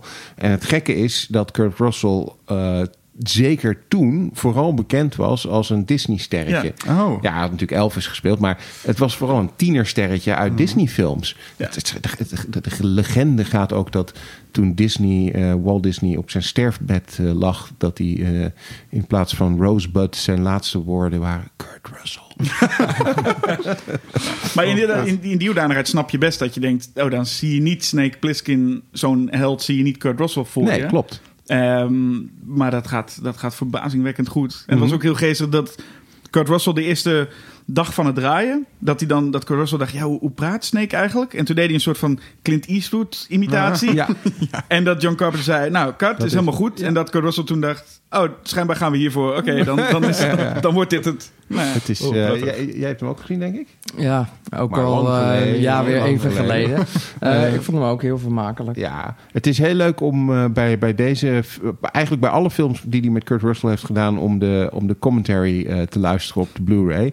Want ze hebben gewoon heel veel lol met elkaar. Als je dat Hmm. hoort, eh, ja, ze zijn de hele tijd over van alles aan het praten. Eigenlijk niet over de film, maar wel van allerlei eh, dingen aan het, aan het eh, vertellen. Ehm, Escape from New York was ook nog wel interessant, omdat onder andere James Cameron aan die film heeft meegewerkt. Oh ja, dat las ik, ja. Ja, hij was een van de matte painters. Dus hij heeft, een, van de, van- een aantal van de, van de ehm, eh, matte paintings gemaakt. Matte painting is dus een, een schilderij op een stuk glas... dat je voor de camera neerzet... zodat de achtergrond ehm, op dat glas staat... en de voorgrond, die, die, die, dat is dan echt live action.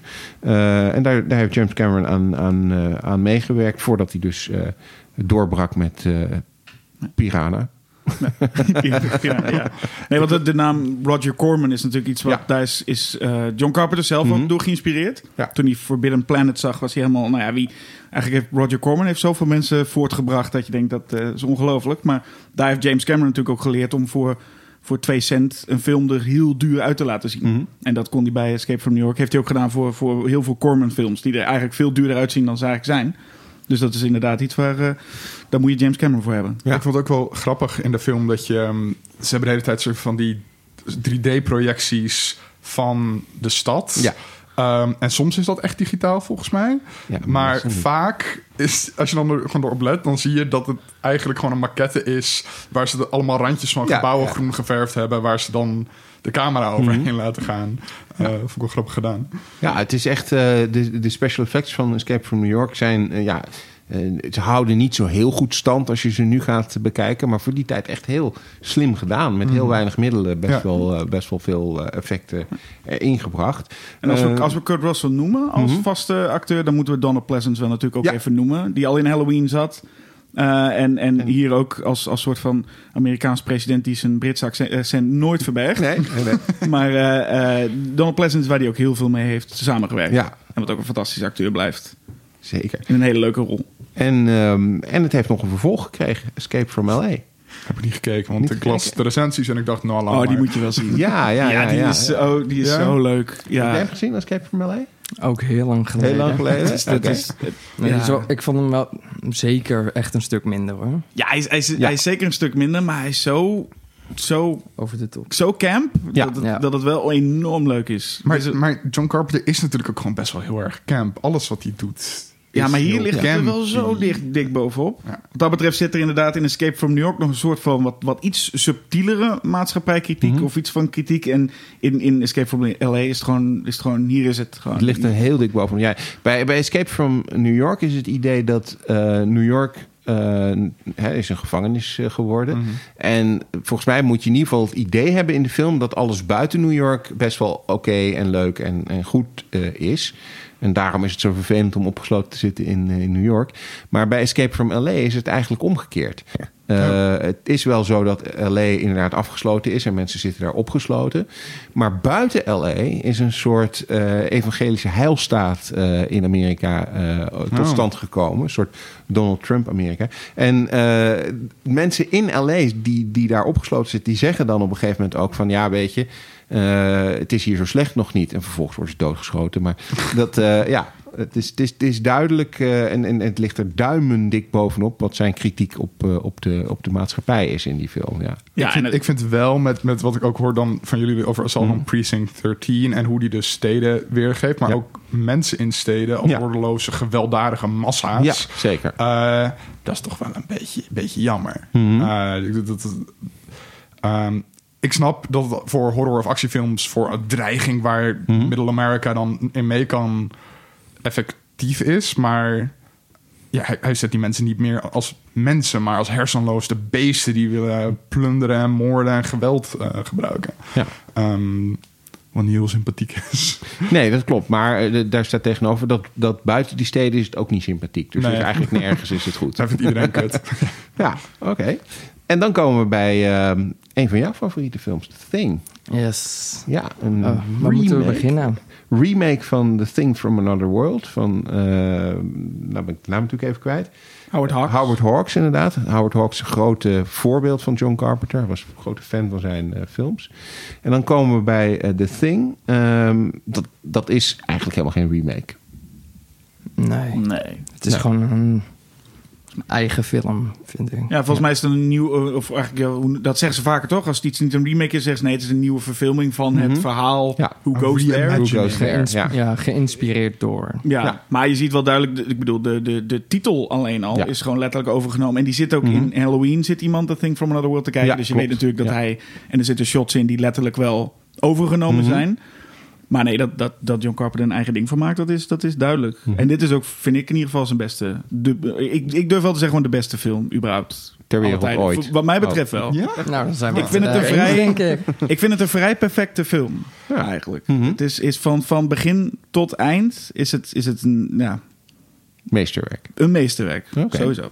Muziek van Ennio Morricone overigens. Dus niet van eh, John eh, Carpenter. Wel hele goede muziek, maar... eh, Maar volgens mij wel Morricone die moest die letterlijk Carpenter moest doen. imiteert. ja, dat Carpenter zei volgens mij van, ga maar ik gewoon- dacht dat ja, dat John ja. Carpenter was. Klopt, ik had klopt. het niet Ja, opgezocht. Maar... Volgens mij heeft Carpenter zelf gewoon gezegd van... Nou, als je deze toets indrukt, ja, gewoon achter elkaar. Oké, nou, we hebben hem. Dankjewel. Ja, ja. Maar waarom is het voor jou een van je favoriete films? Ehm, ja, ik heb hem dus vrijdag weer herkeken. Mhm. En eh, er zit geen moment rust in die film. Nee. Echt geen seconde eigenlijk. En dat, pff, ja, pakt je. Mhm. Gewoon. En eh, daarnaast het acteerwerk en gewoon de, de spanning die, die je op voelt bouwen tussen die groep mensen. Ja, is geweldig gedaan. Knap gedaan, hè? Ja, is, ik vind het ook een, een vrij briljante film. Het begint, het begint gewoon al heel goed als die, die hond komt aanrennen.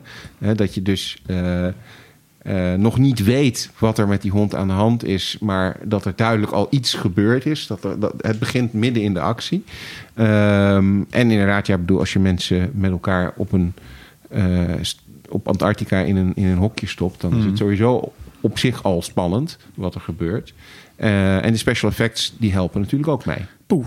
Nou, door ook nog een jonge Rob Bottin die zich helemaal... ja, 22 op die dat zich moment. helemaal gek heeft gewerkt. En volgens mij zo overspannen als de pest uit is gekomen. Maar die effecten zijn nog steeds, staan nog steeds als een huis. Ja, Ja, er is ook een goed deel van het budget naartoe gegaan, eh, volgens mij. Dat, dat, dat weet ik haast wel zeker, inderdaad.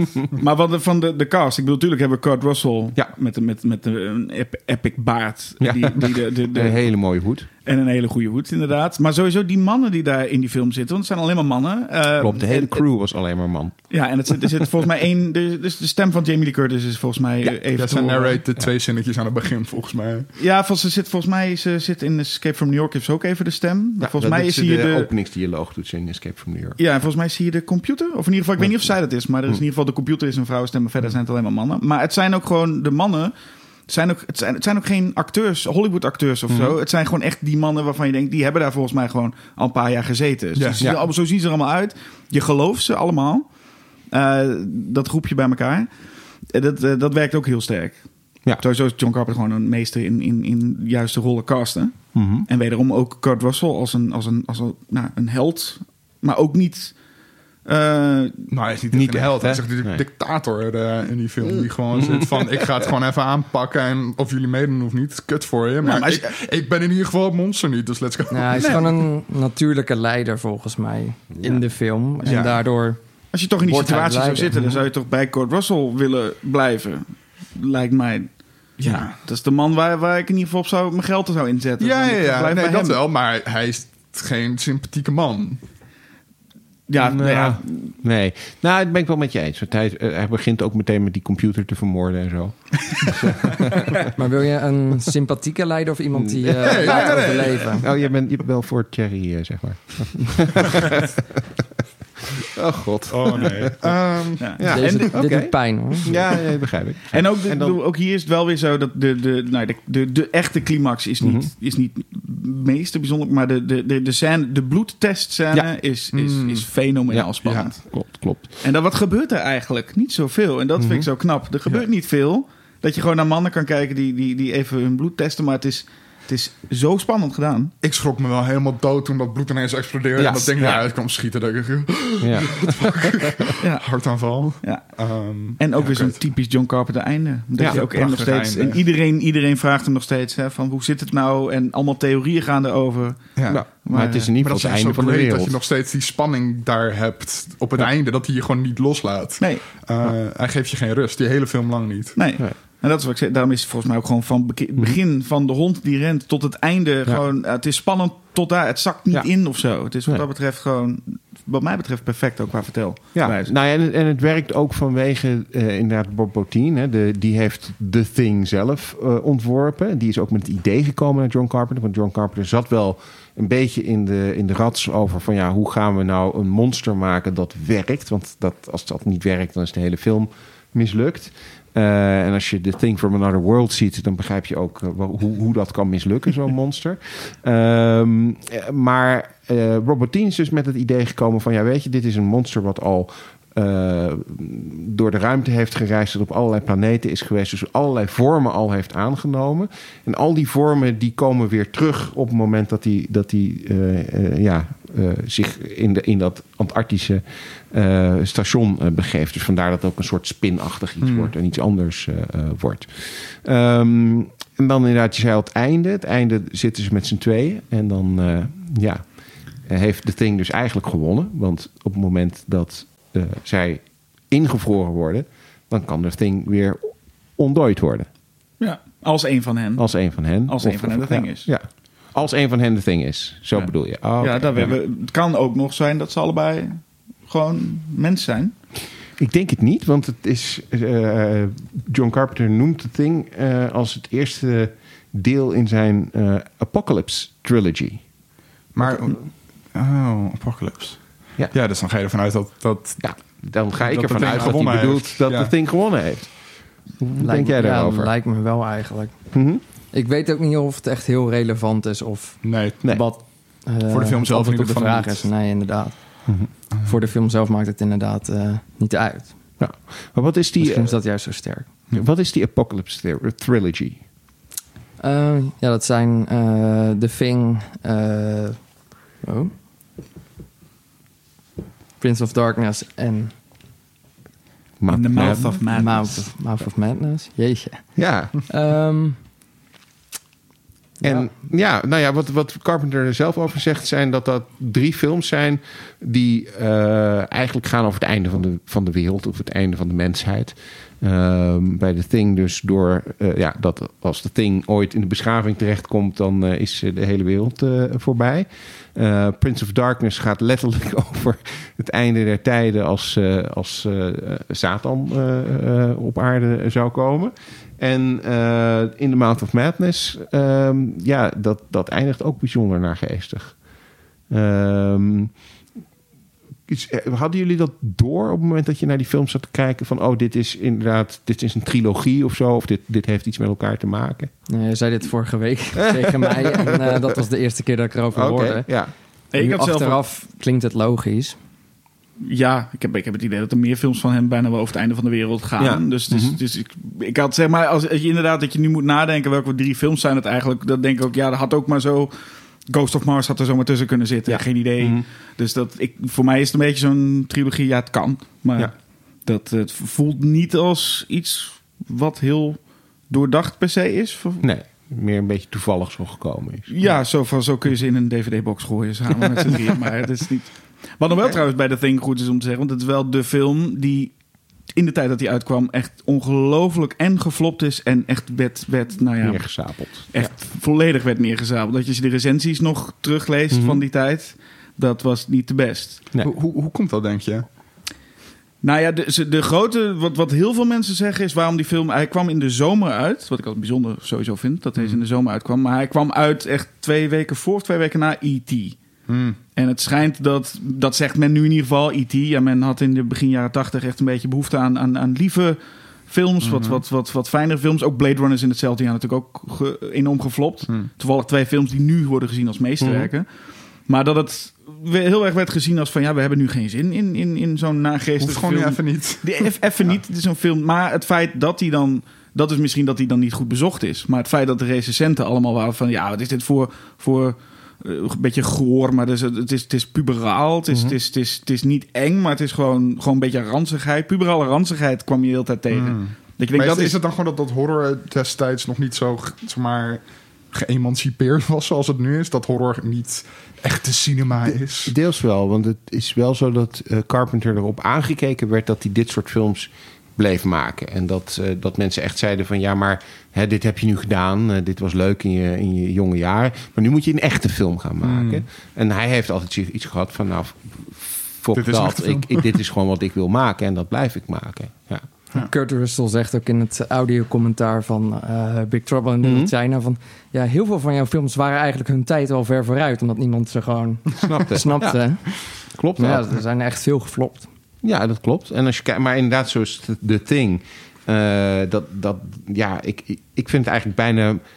Want ik, ik, ik- weet dat de film, film geflopt is. Ik weet dat de recensenten hem slecht vonden. Ik heb dat ook weer gelezen in voorbereiding van deze aflevering. Maar ik kan me zo moeilijk voorstellen. Ik kan me zo moeilijk voorstellen dat als je die film ziet, dat je denkt van, nou, Nee.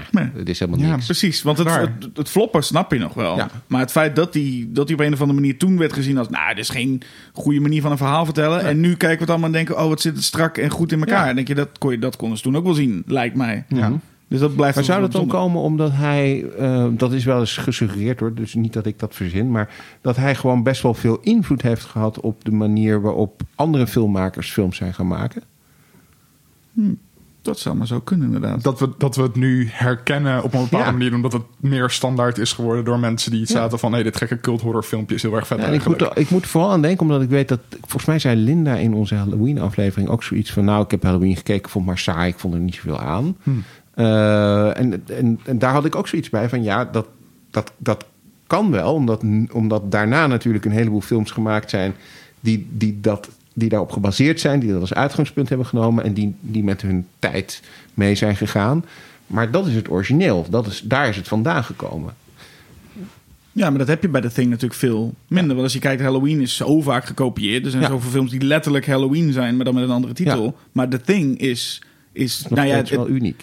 Is vrij uniek. Je hebt natuurlijk wel eh, gewoon het principe van Invasion of the Body Snatchers. Mhm, het hele, mhm. wie kunnen we vertrouwen? Maar die, zo, die effecten op die manier, dat zie, je, Nee. dat zie je eigenlijk vrij weinig. Dan Nee. kun je misschien een, een David Cronenberg kan nog wel eens met zulke tafereelen wegkomen. Maar je ziet dat vrij weinig. Dus ik kan me best voorstellen dat The Thing toen, maar zelfs nu, zo'n film nog best wel iets doet. Terwijl Halloween, een soortgelijke film, iedereen, niemand kijkt daar meer van op, toch? Als je zoiets ziet, Nee. denk je, Nee. ja, dat kennen we wel. Dus The Thing is nog steeds volgens mij een film die... Misschien kan dit dus nog steeds hetzelfde wel bereiken. Als je nu een heel nieuw publiek The Thing laat zien. Ja. Volgens mij werkt dat wel. Nou ja, Nee, dat gaat ook gebeuren, want er gaat... er komt weer, Er komt weer eh, een remake. Ja, Ja. een nieuwe remake. we hadden natuurlijk een, eh, we hadden, we hadden een En een prequel. Neder- Nederlandse prequel. Ja, van, van eh, een Nederlandse maker. Wat ik moet, overigens wel moet zeggen, die prequel is, is helemaal, vond ik, zo slecht nog niet. Het is alleen Ja, die heel is ook erg- heel erg neergezabeld. Het is alleen heel erg jammer dat ze de, de... Ze hadden ook voor de prequel hadden ze alle effecten gebouwd. Mhm. En die er heel goed uitzagen. En toen er- was er een, een producent die zei, toen hij die film zag... Ja, maar dit ziet eruit als een, een film uit de jaren tachtig. En toen hadden zij zoiets van, ja, dat was Dat ook de de bedoeling. Toen zeiden ze, nee, nee, nee. We gaan alle effecten met CGI opnieuw maken. En daar is die film... Nee, dat is, Ja. dus, dat is iets wat je echt niet moet doen. Nee. Nee. Ehm, maar ik- ja, toch nog kleine, kleine props voor de Thing prequel. Want die wordt inderdaad heel erg gehaat. En dat, dat vind ik niet helemaal terecht. Niet terecht. Hij staat volgens mij op Netflix, dus mensen kunnen hem nog even kijken. Ja, alleen de CGI inderdaad is gewoon verschrikkelijk. Maar dat is jammer genoeg gewoon de keuze geweest van een, van een domme producent. En niet van de makers per se. Oké. Is er niet een, ook, ook daar dan een soort van een despecialized versie van... dat iemand ergens op de zwarte markt... eh, Ja, dat, daar, daar wordt veel naar gevraagd. Maar volgens mij is dat... Weet ik eigenlijk niet of ze dat nog gaan doen. Maar de, de, dat, daar wordt, er zijn beelden wel laten... Ze hebben beelden laten zien ook van de makers... hoe ze echt die effecten hebben gemaakt. Dat is nu natuurlijk sowieso een heel groot ding. Dat als er nu iemand... Ze lopen nu ermee te koop van... wij hebben practical effects. En dat iedereen zegt... Wauw, oh, dat is echt, daar kun je film ongeveer op verkopen. Dat je zegt... we hebben, we hebben gewoon... We hebben ze Star, echt... Star Wars sequels toen ze daarmee begonnen. En J.J. Abrams zei... jongens, we gaan heel veel weer praktisch doen. Ja, dat iedereen echt zat van... oh mijn god, fantastisch. Precies, Dat- als je nu zegt Yoda is weer een pop, dan is iedereen helemaal blij. En dat was in zoiets ook. Dat ze zeiden van we gaan weer met practical effects werken. Maar dat is dus in dit geval dus iemand die zegt ja nee, maar dat ziet er te veel jaren tachtig uit. Ja. Nou ja, The Thing is geflopt. Daarna is, die, eh, is Carpenter, omdat hij ja, eh, teleurgesteld ook was in hoe erg The Thing was eh, geflopt. een paar dingen gaan doen gewoon om geld te verdienen. Dat is overigens een thema wat wel meer terugkomt in zijn carrière. Ehm, Christine, 1983. Ik vind dat een behoorlijk goede film. John Carpenter vindt het helemaal niks. Eh, nee, hij vindt echt, eh, hij heeft dat meermaals gezegd in allerlei eh, interviews dat hij die film eigenlijk een beetje op de automatische piloot heeft gemaakt en dat het eigenlijk geen John Carpenter film eh, is. Want hij, hij raakte trouwens een andere Stephen King filming kwijt Ja. door The Thing. Dat die flopte. Ja? Ja. Hij, hij zou Firestarter gaan maken. Klopt. En die raakte die dus inderdaad kwijt. Want toen had hij, en toen had hij volgens mij extra zoiets van: ik ga nu maar gewoon maken wat ik maken kan. Ja. Om nog, eh, om nog wat te verdienen. Maar Christine is inderdaad ook een. eh, die wordt volgens mij redelijk goed. Gerecenseerd. Gerecenseerd wel. Ja, ja, ja, ja. ja, ik vind het ook een goede film. Ja, Ik vond hem ook, eh, ja, verrassend goed Verrassend eigenlijk. goed, een hè? Ja. film over een moordlustige auto. Oh, ja. En het werkt gewoon... eh, Ja, het werkt heel goed. En hij, hij, hij, hij maakt ook keuzes in die film die zorgen dat het goed werkt. Ehm, eh, de auto heeft veel meer een persoonlijkheid dan in eh, ehm, het boek van Stephen King. Eh, het is ook eh, die relatie tussen die jongen en die auto die dan een meisje is. Dat, dat werkt ook wat beter dan in het verhaal van Stephen King. En dat ze zichzelf kan eh, herstellen, zeg maar, eh, die auto. Eh, maar goed, Carpenter eh, was er niet zo'n fan, fan van. En daarna is hij een andere film gemaakt in 1984... eh, die ook eigenlijk gezien wordt als een film die geen John Carpenter film is... maar wel heel veel succes heeft gehad. Starman. Hebben jullie die gezien? Nee. ja, ik wel. Ja? Wat vond je ervan? Ik vond hem apart. Hele jonge Jeff Bridges. Ja, heel apart verhaal. Mhm. Ehm, Jeff Bridges vond ik heel goed. Mhm. Eh, effecten waren zoals altijd weer eh, eh, ja, top Carpenter niveau. Mm. Eh, verder is het een beetje weggezakt. Nou, het is een beetje een romantisch eh, Ja. liefdesverhaaltje. hè? Dan staat me van bij dat ik hem, eh, ja, dat ik me prima ermee vermaakt heb. Ja, dat, is de, dat is een van de weinigen die ik niet gezien heb. Ah, kijk. Maar ik hoorde wel dat, dat, dat, dat Carpenter inderdaad zelf hem geen John Carpenter film vindt, zoals Nee. heel veel mensen. Maar dat het inderdaad...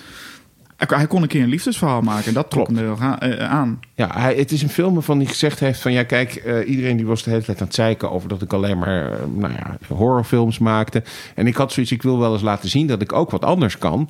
En ik krijg nooit meer zo'n film aangeboden. Dus nu, nu ga ik gewoon een liefdesverhaal maken. En dat heeft hij gedaan. Hij heeft ook succes ge- eh, gehad. eh, maar hij heeft daarna ook nooit meer zoiets gemaakt. Eh, dus duidelijk kennelijk niet iets wat hem heel erg heeft, heeft aangesproken. Wel grappig dat hij dus gewoon blijkbaar een goed genoeg filmmaker is... dat alles wat je naar hem toe gooit, dat hij het in ieder geval laat werken op zijn minst. Klopt. En ik denk ook dat hij deze film echt een beetje zoiets eh, had van... weet je, ik laat jullie gewoon zien dat ik het kan. En daar, dan heb ik het laten zien. En dan hoef ik het dus ook niet meer te doen. Want ik, Nee. ik bepaal zelf wat ik maak. En Jeff Eh, Bridges kreeg- is genomineerd voor een Oscar voor Ja. die film. Dus op zich heeft hij daar wel eh, ook wat... Maar goed, we wisten allemaal wel dat John Carpenter goed kan regisseren, acteurs kan regisseren. Ja. Ja. Maar toen wist het grote publiek het ook. Klopt. Wat hij over acteurs eh, zegt, is dat hij vindt dat het zijn rol als eh, regisseur is om de acteur eh, zo goed mogelijk uit de verf te laten komen. Dus hij zegt van nou, ik doe wat ik moet doen om die acteur zijn beste rol te laten spelen. En als dat betekent dat ik een soort vaderfiguur moet zijn, dan ben ik een vaderfiguur. En als ik ze moet uitschelden, scheld ik ze uit. Maar ik doe wat ze nodig hebben. Dus, eh, en eh, ik weet dat Jamie Lee Curtis wel eens heeft gezegd dat ze eh, heel bang is van John Carpenter. Omdat ze een hele enge man eh, vindt, maar ook heel aardig. Die haar carrière natuurlijk grotendeels gemaakt heeft. Maar ze zei van ja, ik zou hem nooit meer naar huis nemen. Mijn kinderen zouden bang worden van hem. dus, eh, ehm, en dan komen we bij Big Trouble in Little China. Jouw Yes. favoriete film? Ehm een van, van, favoriete één van de favoriete Ja. films. De Thing is de favoriet. Mhm. Ehm, ja, bizarre film eigenlijk. Bizarre film. Ik heb Ja. hem gisteren gekeken en what the fuck. Echt what the fuck. Ik zat Ja. alleen maar... Waar kijk ik naar? Ik, ik, Ja. ik was al amused en zo de hele tijd. Mhm. Het is gewoon leuk om naar te kijken. Je verveelt je geen moment. Maar what the fuck? Ja. Een dude komt met een truck eh, eh, San Francisco binnenrijden. En twee seconden later komen er mensen met bliksemkrachten Ja. en grote hoeden uit de lucht vallen. What the fuck? Ja, ja. En moet je je voorstellen wat het marketingteam moest eh, verzinnen om deze film te marketen. Ja. Het oorspronkelijke Geen idee. idee was ook dat het zich in eh, de 19e eeuw zou afspelen. Met een eh, Kurt Russell als cowboy op een paard. En zijn paard zou gestolen worden. Nu was het zijn eh, truck die die, die kwijt raakt. Maar vertel meer over Big Trouble in Little China. Ja, ja, het zou dus inderdaad dus eerst een western worden. Nou, dan had Carpenter toch eh, zijn western kunnen Gehad, eh, ja. regisseren. Ik denk dat we blij mogen zijn dat het dit is geworden. Mhm. Ehm, ja, het is gewoon een hele rare combinatie van humor, actie, ehm, fantasie-elementen. En vooral de actie is echt uitstekend. Eh, hij had ook iedereen... Die, hij keek alle, Hongkong, alle kung fu films uit Ja. Hongkong. Eh, en hij had gewoon een lijstje gemaakt met alle top, eh, top acteurs. En die heeft hij allemaal in zijn, Ja. bijna allemaal in zijn film Ja, gekregen. precies. En vinden we het, een, eh, vind- vinden we het orientalistisch? Ja, maar nee. Maar toch wel een beetje ja. Ja. Nou, Ehm, je weet, het, is, het is niet. Hij gebruikt het niet. Hij zet niet slecht neer of Nee. zo. Of hij, hij doet niet zo'n gekke verhouding van het actieve Westen. dat het passieve Oosten komt redden. Wat Nee. die, die klassieke trope is van Orientalisme. Want Kurt Russell is eigenlijk gewoon een beetje een idioot in deze Juist, film. Right? ja. Hij is niet de witte held die het wel even komt oplossen. Hij is er gewoon bij. ja, hij is eigenlijk een kneusje. Ehm, hij Ja. zegt op een gegeven moment ook van... eh, ik voel me een beetje buitengesloten in deze groep. want, want als je het verhaal bekijkt... dan zijn inderdaad de, de Asian Americans... of, of nou, in ieder geval de Aziatische acteurs... zijn eh, de hoofdrolspelers. En Kurt Russell is eigenlijk inderdaad... een soort domme, blanke eh, eh, gast... Die, die eigenlijk alles fout doet wat, wat er fout kan gaan... en die, die eigenlijk de hele tijd voor lul staat, toch? Ja, maar hij focaliseert de film natuurlijk wel. We kijken Ja. vanuit hem Van- naar alle, Mhm. alles wat er gebeurt. Ehm, wat ook dat bizarre element en het komische element in die film brengt. Omdat hij gewoon zit van... jongens, wat de fuck gebeurt er allemaal? Net als het hele publiek. Ja. Ehm, Ja, dus dat werkt wel voor me. En ik vind het daarmee ook niet per se orientalistisch. Ja, op het audiocommentaar eh gaat hij daar inderdaad op in. Omdat eh Lo Pan is dan dus eigenlijk een soort racistische stereotype. Was dat toen de tijd volgens de linkse Wat mensen. ik wel snap. En hij zei, ja, misschien is dat wel zo, maar dan hebben we wel een Aziatische acteur die eigenlijk de hoofdrol speelt. Dus ik zou denken dat ze het daar meer op zouden focussen in plaats van... En het is ook Dit echt een eerbe- negatief eerbetoon uit kan aan al die, die wire food dingen natuurlijk. Mhm. Die hele film, zie je duidelijk dat John Carpenter diepe, diepe respect heeft voor het materiaal waar hij mee werkt. En de films waar hij door geïnspireerd is. Ehm, wat ik heel vet vond. Ja. Ja, en hij heeft, ook, hij heeft het ook over de muziek gezegd. Nou, die heeft hij ook weer zelf eh, gemaakt. Eh, en daar heeft hij ook van gezegd van ja, dat, dat, dat wilde ik ook per se doen. Want anders dan zouden ze inderdaad een of andere orientalistische soundtrack eronder hebben gezegd. En dat wilde hij gewoon niet. Hij wilde heel duidelijk eh, op zijn manier inderdaad een soort eerbetoon aan de Chinese voor zover het Chinese cultuur is die in film zit, wilde hij laten zien. Wat, wat, wat vond jij van Big Trouble? Nou, ik moest vooral denken wat jij, jij net ook zei over die market, dat marketingteam. Ik moest denken aan mensen die, die, die als je de, de tv-gids moet samenstellen, heb je Mhm. altijd twee vakjes voor genres. En Ja. dan denk je bij deze film, waar moet je beginnen? Ja. Want deze film, volgens mij, elk genre zit erin. En dat vind ik zo, dat vind, dat vind ik zo bijzonder. Maar het is inderdaad dat, dat what the fuck is een goede omschrijving. Ja. Maar op een hele positieve manier. En, en, en ook wederom de effecten zijn, zijn heerlijk. Dat ik merkte dat toen ik eh, eh, bij dat concert, dat op Mhm, mhm. vooral bij die film, komen al die momenten even voorbij terwijl John Carpenter daar staat te spelen. En je denkt gewoon bij elk shot, denk je, oh, ik wil die film nog een keer zien. Ja. Het, ziet- het ziet er zo leuk uit. En je denkt ook, het had ook net zo goed dat je... Ik had iemand naast me zitten, die had die film niet gezien. En die dacht dus de hele tijd dat het verschillende films waren waar... Ah, oké. Maar, eh, maar ik zei, nee, dat, dit zit allemaal in één film. Dus ga, Mhm. ga het kijken. En volgens mij is dat inmiddels ook wel uitgegroeid tot zo'n zo'n cultfilm... waarvan Ja. iedereen zegt, die moet je gaan kijken. Klopt. Ja, het is denk ik een van zijn meest eh, geliefde films onder, onder, onder Meest fans. gehuurde films Meest misschien wel. gehuurde films, zeker. Ja. Ja, hij zegt ook zelf dat zowel zijn als Kurt Russell's carrière eh, door de videoband gered zijn. Ja, ja. En eh, ja, dat geloof ik ook wel, ja. Maar het, is, het is niet zijn meest toegankelijke film. Dat je snel tegen iemand zou zeggen van... nou, wil je beginnen met John Carpenter? Doe Big Trouble in Little China toch? Of wel? Misschien wel zijn grappigste film. Dus dat maakt het misschien wat makkelijker eh, om niet meteen naar de horror te gaan, zeg maar. Mhm. Ja. Maar ook wel weer zo'n specifieke humor, toch? Het is niet, zeg maar, voor iedereen die je gewoon nu een comedy zou verwachten... is ook weer niet helemaal... Ja, Ik denk, dat je eerst wat, wat meer John Carpenter moet zien om te snappen van... oh, dit is echt wel met een knipoog. Ja, Ehm, het, het is heel bewust campy. ja.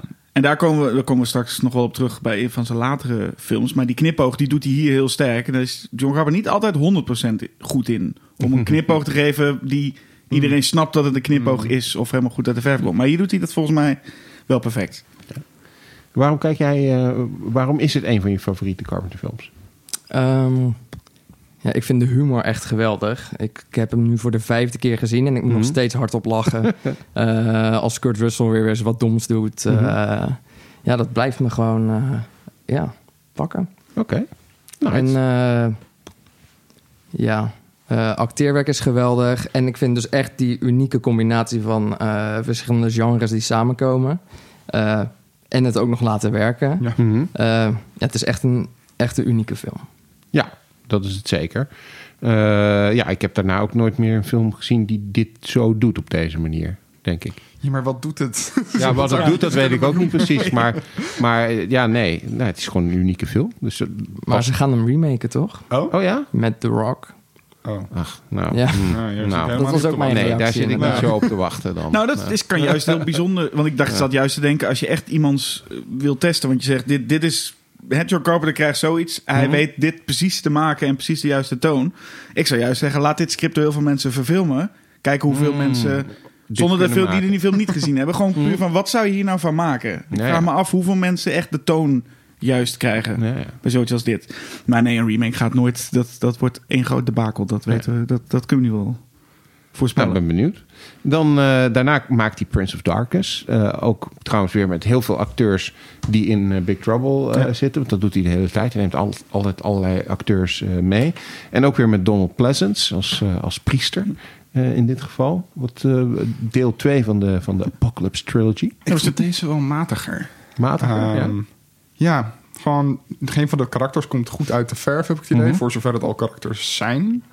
Ehm, de opbouw is weer langzaam en best wel solid. Maar vond de climax dan ook weer niet heel bijzonder. En het probeert allemaal filosofische en metafysische en natuurkundige theorieën Mhm. te gooien. Dat maakt allemaal geen reet uit. Het doet allemaal niks. Het betekent niks in de film anders dan dat er mumbo jumbo is om tegen elkaar te praten. Ehm, ik ben er geen fan van.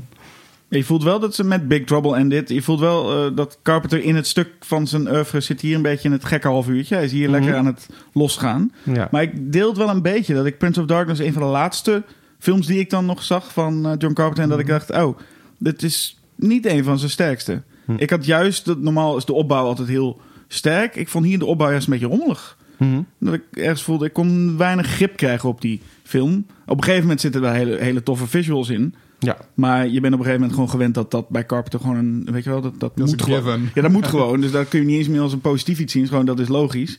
Maar daarna merkte ik, ja, een beetje een rommelige film die... In, in tegenstelling tot Big Trouble, die ook rommelig is, maar op een hele goede Mhm. manier, merkte ik dat bij Prince of Darkness hij niet. Het klikte niet helemaal voor mij ook, denk ik. Ja, voor mij wel iets meer. Kijk. Ik, eh, ik denk de combinatie van en de dreigende muziek de hele tijd... en eh, dat leger aan zwervers dat eh, Ja, steeds ja, ja. meer Met eh, Alice groter wordt. hoofd. Ja. Ja. Ehm, ja, tuurlijk is het wel een beetje rommelig... maar dat vond ik niet echt storend... om het Mm. dreigende gevoel van de film minder te laten zijn. Hm. Ja, ik had het wel, ook zei met de personages, had ik het ook. Ik vond dit wel zijn minst sterke personages bij elkaar, denk ik. Dat toch, ja. Geen van hen is me echt bijgebleven. Donald Pleasant wel, maar dat kwam meer omdat hij Donald Pleasant Ja, dus dat je hem al ja, kent. ja. Ja. Dus eh, ja, wel die is ene seksistische gast die eh, van die Ja. hele foute grapjes maakt... waarvan je Ja. denkt, oh, wat, rem weg. Ja, maar Ja. Ook, ook die dan... Ik denk het dat, dat het de hoofdrolspeler had moeten zijn. Die blonde dude met die snor. Ja. ja, ja, ja. Ehm, die zit ook alleen maar een beetje te creepen rond die, die, die, die vriendin Ja, ja, van hem uiteindelijk. Ja. Wat dan toch een relatie wordt. Maar nergens blijkt dat ze chemie hebben of wat dan ook. Nee. Ik vond het maar raar. Ja, nee. Nou, daarna komt wel een, eh, een hele sterke entry, want dan hebben we They Live. Zo. They Live is denk ik... ehm, kijk, eh, er zijn meer van zijn films die, die, die eh, een, nagleben hebben... Die, waar mensen eh, over nadenken, waar mensen nog met plezier naar kijken.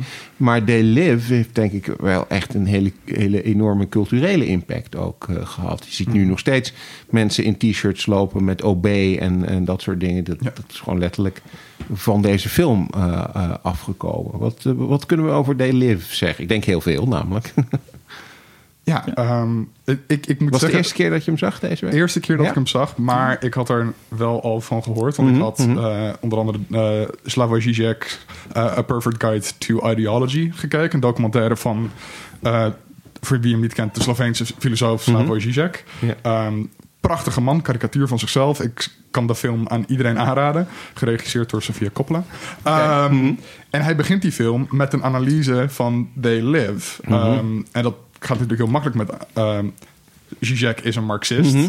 En dan ga je marxistische filmkritiek Ja. uitleggen. Ja, dan ga je naar They Live. Ja. Want tada, eh, dit is pure ideologie. Mhm. Hij haalt altijd zijn neus op. Flauw grapje. Het komt niet door de cocaïne op tafel. Nee, Nou, nee. Ehm, nee, schuif weer weg. Nee, maar dus dat is heel goed. Gewoon als je iemand wil uitleggen van eh, marxistische concepten eh, en dat specifieke film. Ja, dan moet je gewoon Ja. kijken en dan heb je precies. eh, dit is hoe kapitalistische ideologie werkt. Door billboards en zo. Ja. En, en het betekent niet wat je denkt dat het betekent. Mhm. En het heeft een negatieve invloed op je. En eh, media speelt een rol. Het is niet een hele sophisticated kritiek. Het is Mhm. niet ehm, genuanceerd of whatever. Maar ja, het is gewoon vet. Ja, Ja. en ehm, ik had het opgeschreven in het script... eh, in de hoop dat je daar nog iets over zou zeggen... eh, van eh, Noam Chomsky, Manufacturing Consent. Zijn Noam Chomsky aan de film meegewerkt? Nee, nee, nee, nee. Oh, maar hij heeft, nee, nee, nee. Hij heeft wel Manufacturing Consent geschreven Mhm. over hoe wij mensen manipuleren tot bepaalde Mhm. opvattingen, politieke Ja. keuzes of consumptie. En dat Ja. zit hier ook heel duidelijk in. Ja, ja, dus dat is eigenlijk... eh, ehm, Chomsky is natuurlijk ook rete links. Ja. Hij en Zizek kunnen niet door één deur. maar, ehm, want Chomsky is een anarchist. Ehm, nee, maar dat is dus ook inderdaad hoe... eh dus eigenlijk precies wat ik net al zei. Van, ja, hoe media door dat soort dingen te doen... door gedrag te sturen, door... een bepaalde focus in de maatschappij neer te zetten... dat de, je hele publieke ruimte is gericht op... eh, ervoor zorgen dat jij meer consumeert... en bepaalde dingen consumeert... Mhm. en niet bepaalde andere dingen. Ehm, Linda was eh, twee jaar terug volgens mij naar Cuba... en Mhm. het eerste wat ze zei toen ze terug was... wat daar bizar is, dat, is dat er geen reclame is. Ja. Ehm, ik bedoel, rondlopen in westerse steden is gebombardeerd worden met een oproep tot consumeren, geld Mhm. aangeven, eh, uitgeven, steun corporaties. Ja. Ehm, ja, dat la- laat deze film heel goed zien. Ja. Ja, weet, je, weet je wat ik nou zo leuk vind dan? Is dat dit, dit allemaal klopt. Ja. En tegelijkertijd hebben we het gewoon over een film waar Roddy Piper en Keith David zes minuten lang in een, in een, in een steegje aan, het, aan het knokken zijn. Dus je kunt dit, dit, dit, is, dit is, de theorieën zijn, zijn er, maar ik zag, en ik zag hem jaren geleden en dan, ik was daar helemaal niet mee bezig, maar wat ik zag was een ongelooflijk leuke film. Ja. Mhm. En Ja. dat is hij ook dan. Dus je kunt hem op twee manieren eigenlijk. ja, maar het allebei tegelijk. Het werkt op allebei de het- niveaus. Nou, dat vooral. Het werkt op allebei niveau. Hoeveel films bestaan er die beide hebben? Waarbij je zeg maar hele lange gesprekken kan voeren en tegelijkertijd gewoon kan denken: ja, het is gewoon kick-ass film met, Ja. met, met, met, met een hoop. Nou ja, met de, een van de leukste vechtscènes die er, die er ongeveer is. Ja. Even denk de ik. langste ook, denk ik. En de, Ja. de langste ook. Het gaat maar door. Ja, Het duurde drie weken om op te nemen. die ene scène. Jezus, wat kut moet dat zijn geweest Ja, het was mannen. echt immense choreografie. En het ging, er ging steeds weer fout natuurlijk. Ja, Dus, tuurlijk. Heel heftig. Oh. En, en de, en de one-liner van, van Roddy Piper ook natuurlijk, die inmiddels ook bekend Mhm. is. Mhm. De, de bubblegum line. Mhm. Ja, ja, ja. Dus, dus die film zit, zit los van, van de, de, de, de kritiek. Zit los daarvan zit, zit, is de film zo ontzettend leuk. Ehm, en dat, zo kun je hem ook gewoon Mhm. eigenlijk gewoon zien. En dan nog is het moeilijk om er een genre op te plakken. Maar het is, het is gewoon een man die een zonnebril vindt. En een collega probeert te overtuigen dat hij hem ook op moet zetten. Ja. Ja. En, en, en ik weet niet waarom dat zo leuk is, maar het is ontzettend leuk. Fantastisch. Ja. Ja, is het ook een van jouw favoriete Carpenter films? Ehm, favoriet weet, we- ja. Misschien wel, ja, zit bij de beste zeker. Ja. Ik heb hem eh, ook dit weekend weer gekeken en het, was, het is zo vermakelijk. En ik zie ook wel al die boodschappen erin op zich. Ik geloof het allemaal. Mhm. Ehm, ja, ik heb gewoon genoten van een film waarin eh, we de aliens eh, weer onder de knie krijgen. Ja. ja, nou, dat, ja, zo kun je het ook zien. Ehm, nou, dan eh, moet ik even het script er weer bij pakken, want dan gaan we de volgende. eh, Ja, we gaan langzaam toch richting het mindere, mindere stuk van zijn carrière, toch? Of niet? eh, je bedoelt, eh, jij, jij vindt Memoirs of an Invisible Man geen nee, meester. die hebben we nog niet gezien. Oké. Die hebben we nog niet gezien zelfs. Die Maar heb ik wel gezien. Ja, En? hoe vond jij hem? Ik, ik was er niet zo van onder de Ik indruk. vond het een zesje. Het was Ja. gewoon oké. Want het Ja. is wat ik weet is Chevy Chase en op Chevy zich is een onzichtbare man. Eh, ja, Dat weet ik. Ja, het is eh Chevy Chase wilde graag een eh, eh, film, ja, een succesvolle film maken. Nou, dat wil op zich iedereen, maar hij had daarvoor een paar films gehad die niet zo heel goed waren bevallen. Eh Memoirs of an Invisible Man. Nou, John Carpenter gaat dat dan regisseren. Ik moet zeggen, dat, dat zie je er niet aan af. Er is Nee, niks niet. aan waarvan ik denk van... oh, dat is een John Carpenter eh, film. Misschien wat van de... Dat, dat die onzichtbaar is en zo. Ja, dat, dat, dat is wel aardig Carpenter, gedaan, ja. maar Nee. niks. Het is Nee, geen en- Hollow Man, zeg maar. Het is geen Hollow Man, nee, zeker niet. Hollow Man is natuurlijk veel eh, eh, donkerder en, en serieuzer eigenlijk dan deze film. Dus het is bijna een comedy, maar ook weer niet echt. Mm, ja, het zit soms een beetje tussen actie en comedy in. Ja. Soms gaat het heel hard voor de comedy en dan lukt dat ook niet echt heel Nee. goed. Het, is, eh, En Chevy Chase is gewoon een hele onaangename persoon Dat ook in ook. die film. Het is echt een het klootzak. echt Je hoopt- overigens ook te zijn. Ja, maar je ja, hoopt, de- je hoopt ja. eigenlijk dat ze hem pakken. Ja. Op een gegeven moment denk ik wel, oh, deze persoon is echt naar. Waarom moeten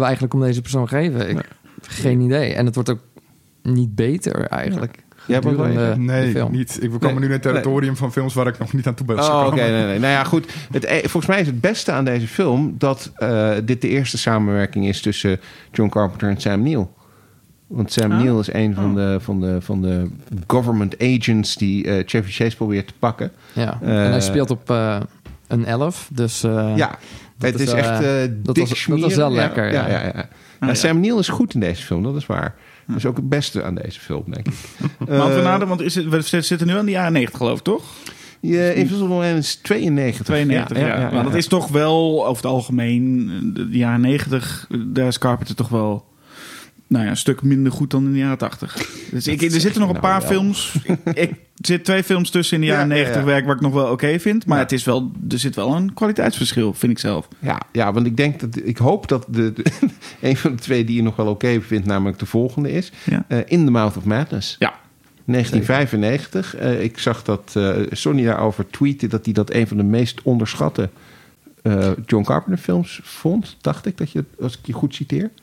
Ehm, ondergewaardeerd. Ondergewaardeerd. volgens Ja, mij. ja, ja. ik heb het idee dat bijna niemand die film kent. Mhm. Van de mensen die wel zijn andere werk kennen. En dat vind ik eigenlijk wel onterecht, want eh, ja, bizarre film ook. Eh, volgens mij bedoelde jij dat misschien met die knipoog die.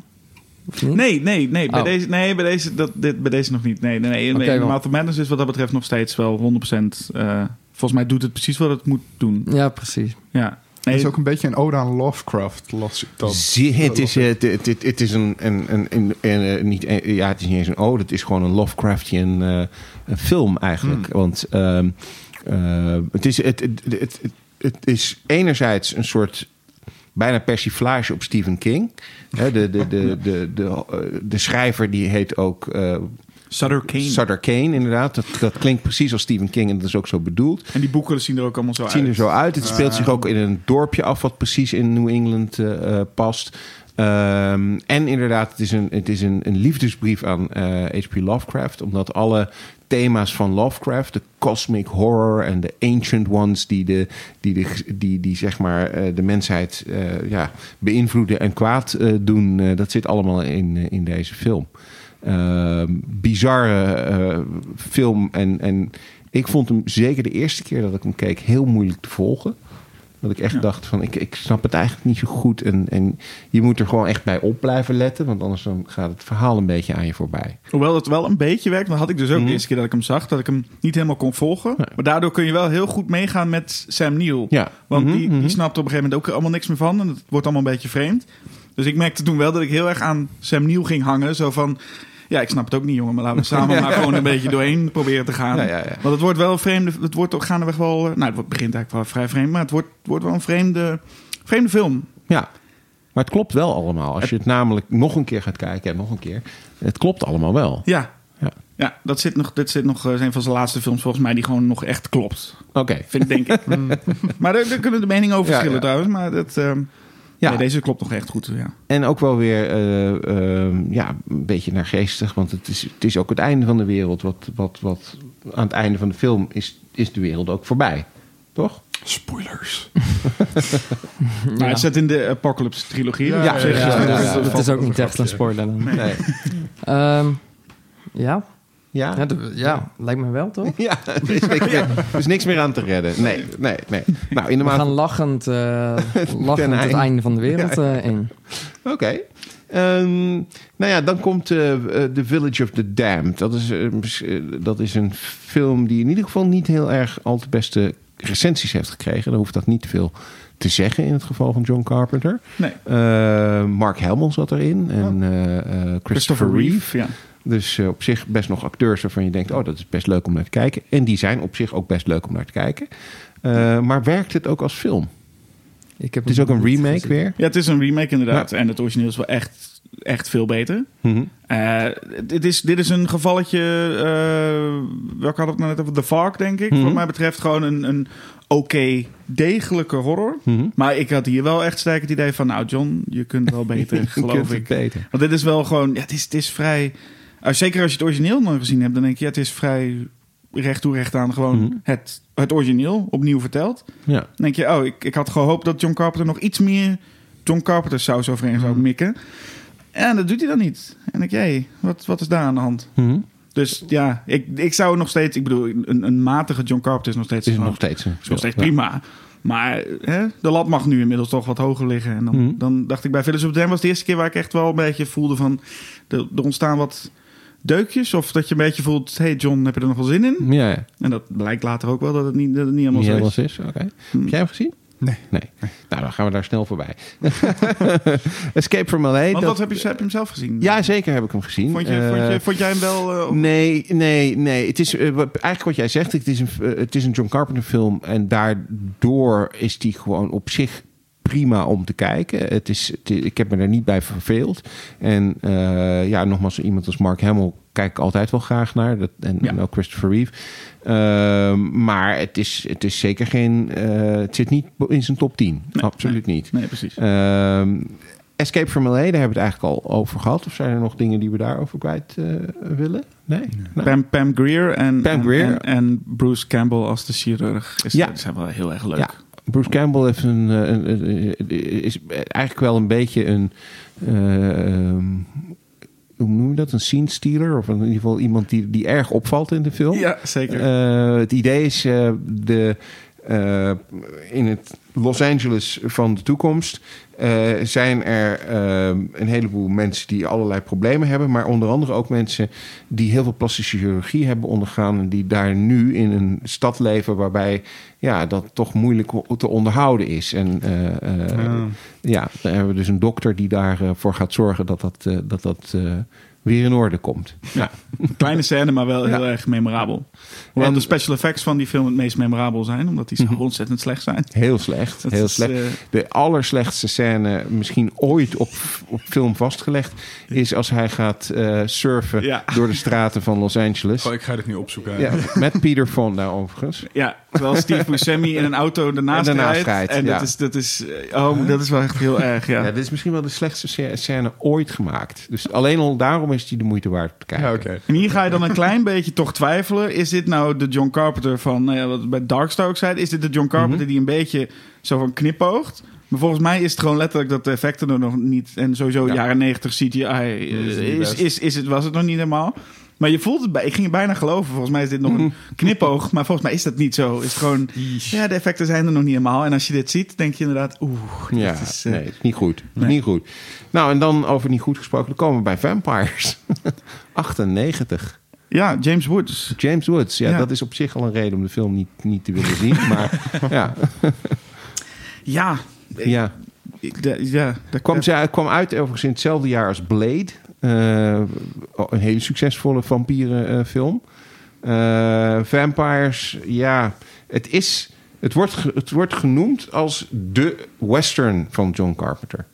Eh, we hebben al eerdere films gehad die een soort van westerns waren... of daar, daar een beetje iets mee speelden. Maar dit wordt gezien als echt een western van John Carpenter... maar dan wel met vampieren, want het is John Carpenter. Ja, Ja, meer valt er niet over te zeggen. Niet Nee. gezien? Wat, wat, wat is het aan John Carpenter dat die films dan in de jaren negentig steeds slechter worden? Is het gewoon dat je, denken jullie, omdat hij er klaar mee is? Omdat het gewoon op is? Of Ik, weet, ik vind het heel moeilijk voor. te zeggen. Het, is, eh, het zal deels gewoon aan budgetten liggen. Eh, als je geen budget krijgt, dan kun je natuurlijk ook... ja, dat hij gewoon eh, te vaak flops gemaakt heeft dat ja. serieus hem niet meer ja, vertrouwde? hoewel die voor LA waarschijnlijk wel heel veel eh, budget heeft gekregen, denk ik. Ja, maar LA is ook echt geflopt. Ja. Dus wat dat betreft, dat, En dat is dan een sequel Hmm. op een succesvolle film. Dus als die dan flopt, dan snap ik ook wel. dan is het ook wel, ja, precies. Want er waren plannen, en daar komen we bij de volgende film nog op. Er waren Mhm. plannen voor een, nog een Snake Plissken avontuur. Maar dat Ja. is de koelkast ingegaan, dat het gewoon LA flopte. Ja. Maar ook, en dat komt ook bij de, zijn volgende film, is dat John Carpenter er ook echt wel klaar mee was. Ja. Hmm. En bij zijn volgende film ook echt gewoon een burn-out had en zei, ik ben er helemaal klaar mee. En zo, hij heeft zo'n ook de type afgelopen is, 20 jaar één film gemaakt. Ja. Ja, en, maar zo, zo'n type is het ook wel. Hij is natuurlijk sowieso iemand die niet van establishment houdt. Mhm. En niet zo heel erg van regels. En dan merk je ook dat zo'n man gaat ook niet zo lekker op zo, in zo'n studiosysteem, Mhm. heb je het gevoel. En ik had zeker als hij wat ouder wordt. Nu, er wordt nu natuurlijk, en daar komen we ook nog wel op, gaat hij nog wat doen überhaupt? Want hij leeft nog, gewoon. Ja, het is alsof hij dood is. Maar hij leeft nog, maar volgens mij gaat hij niks meer maken. Hij vindt het wel prima zo. Ja. Hij, het, het hoeft allemaal niet meer. En ik denk dat dat zie je in die films volgens mij al een beetje terug. Je hebt echt een gemotiveerde maker in het begin van zijn carrière. Mhm. En, en op een gegeven moment was het gewoon, ja, het, ho- het hoeft voor mij allemaal niet meer. Ik denk letterlijk Mhm. wel dat dat bij hem echt heel erg meespeelt. Ja. Ja, dat zie je in zijn regie dan toch wel terug. terugkomen. Ja. Jammer. Want inderdaad, daarna gaat hij dan eh, Escape from Mars eh, maken. Ghost, ja, ja, Ja, De- bedoeld was Escape from Mars. 2001. was het niet Escape from Earth? Eh, of Escape from Earth, dat kan ook, ja, Dat- trouwens. dat volgens ja, mij inderdaad dat de dan Snake naar Mars zouden film gaan, dan. ja. Ah. Inderdaad. Nee, klopt. Escape from Earth, dat, die hebt gelijk. Want dat had Kurt Russell namelijk bedacht. Ja. Die had, eh, dat klopt, die heeft op een Waar gegeven kunnen we nu nog van ontsnappen? Ja, nee, die had gezegd van ja, die Snake Plissken die is zo klaar met de mensheid en met de wereld, die wil gewoon van de aarde af. Dus we gaan Escape from Earth eh, maken. En eh, uiteindelijk is dat Ghosts of Mars geworden ja, met Ice Cube. met Ice Cube. In de rol van die eigenlijk Snake Plissken zou Ja. moeten zijn. Nou, als je de film ziet, dan denk je wel... ja, er zit wel een verschil tussen, tussen Kurt, Russell, en, Ice Cube. Ja. Eh, Je, zit- je verwacht het niet. en, en, en, en Jason Statham Mhm. met haar. Ook, ook, ook, ook, wel, ook, wel, ook wel bijzonder om te zien. Ook weer Pam Grier. Ook weer Pam Grier, inderdaad. Eh, maar het, het, het- dat is ook een verschil. Nou, dat is de film waar John Carpenter daarna helemaal eh er klaar mee was.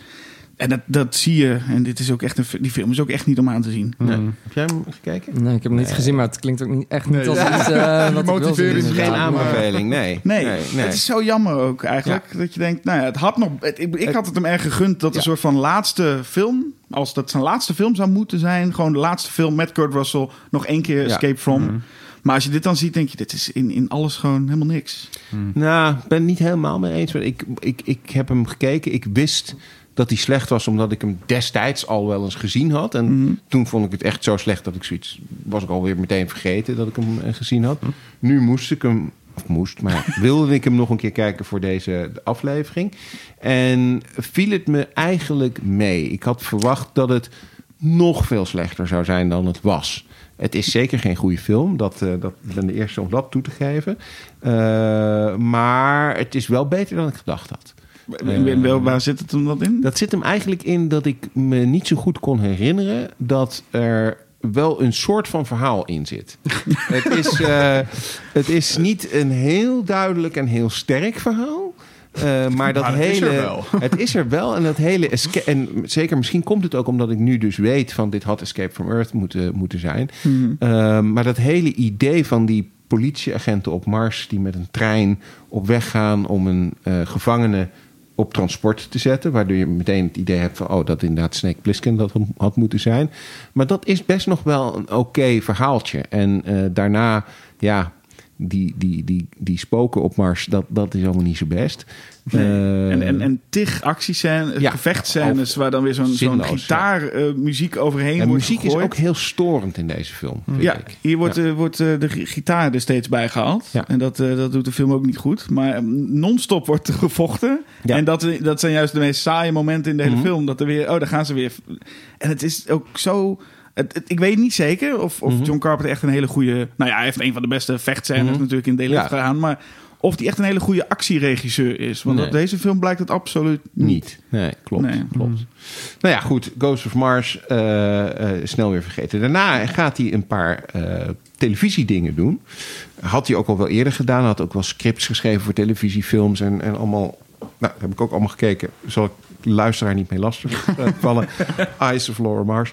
Ehm, maar ehm, hij gaat dan onder andere maken eh, twee afleveringen van de serie Masters of Horror. Dat is een eh, erg leuke serie om eens een keer terug te kijken als je er tijd eh, voor hebt. Want allerlei hele eh, bekende horrorregisseurs hebben een aflevering. In, in, het zijn twee seizoenen en ieder seizoen maken ze dan een aflevering. Ook Dario Argento bijvoorbeeld heeft daar eh, eh, dingen voor gemaakt. Ehm, en algemeen wordt wel gezegd dat, dat eh, zijn eerste, Carpenters eerste bijdrage aan eh, Masters of Horror ook meteen de beste eh, aflevering van die serie eh, is. En dat is Cigarette Burns. Hmm. Ehm, Vond ik totaal niet. trouwens. vond jij niet? Nee. nee, vond ik echt niet. Ik vond sowieso de Masters of Horror serie... Het concept was leuk. Mhm. Het was Mick Garris, de, de man van veel Stephen King verfilmingen. Niet hele goede films, maar die, eh, die heeft een heel groot netwerk met alle horrormakers. en die heeft ook John Carpenter een beetje uit het, erbij getrokken Ja. van... Mhm. Ga dit nou doen, want je bent klaar met Hollywood en film maken, maar ga het nou doen. En dat nou ja, had John Carpenter eerst ook helemaal geen zin in, maar dus later kreeg hij er wel zin in. Maar ik merkte dat die hele se- serie, dat de grote namen maakten de minste films. En juist de namen waarvan ik dacht van, nou daar verwacht ik niet zoveel van, die kwamen toch met verrassende Hmm. horror shorts. Of ja, shorts, het zijn een uur Ja, ongeveer. het, het zijn, het zijn eigenlijk het zijn minifilms. Minifilms ja, eigenlijk, ja. En eh, nou, Cigarette Burns eh, gaat over... Het, het lijkt heel erg op eh, In the Mouth of Madness. Het gaat over een film... die overigens oorspronkelijk volgens het verhaal vertoond zou gaan worden op het Internationaal Filmfestival Rotterdam. En die film, als je die bekijkt, dan gaat het niet goed met je. En, en dan eindigt eigenlijk ook weer de wereld. Eh, Norman Reedus, van eh, later natuurlijk The Walking Dead, eh, speelt de hoofdrol. En de Cigarette Burns zelf, dat gaat vooral over de ga- gaatjes op oude... in- vroeger had je films op verschillende spoelen. Tegenwoordig is het allemaal digitaal, maar vroeger had je films op verschillende spoelen. En als er dan op een gegeven moment boven in beeld zo'n rondje verscheen... dan wist de proje- eh, projectionist van, oh, de volgende spoel moet erop. Oh, dat zit Dat ook in Fight Club, dat dan Brad Ja. Pitt zo naar Yes. de... de, de- de- Yes, ja, dat is de cigarette burn.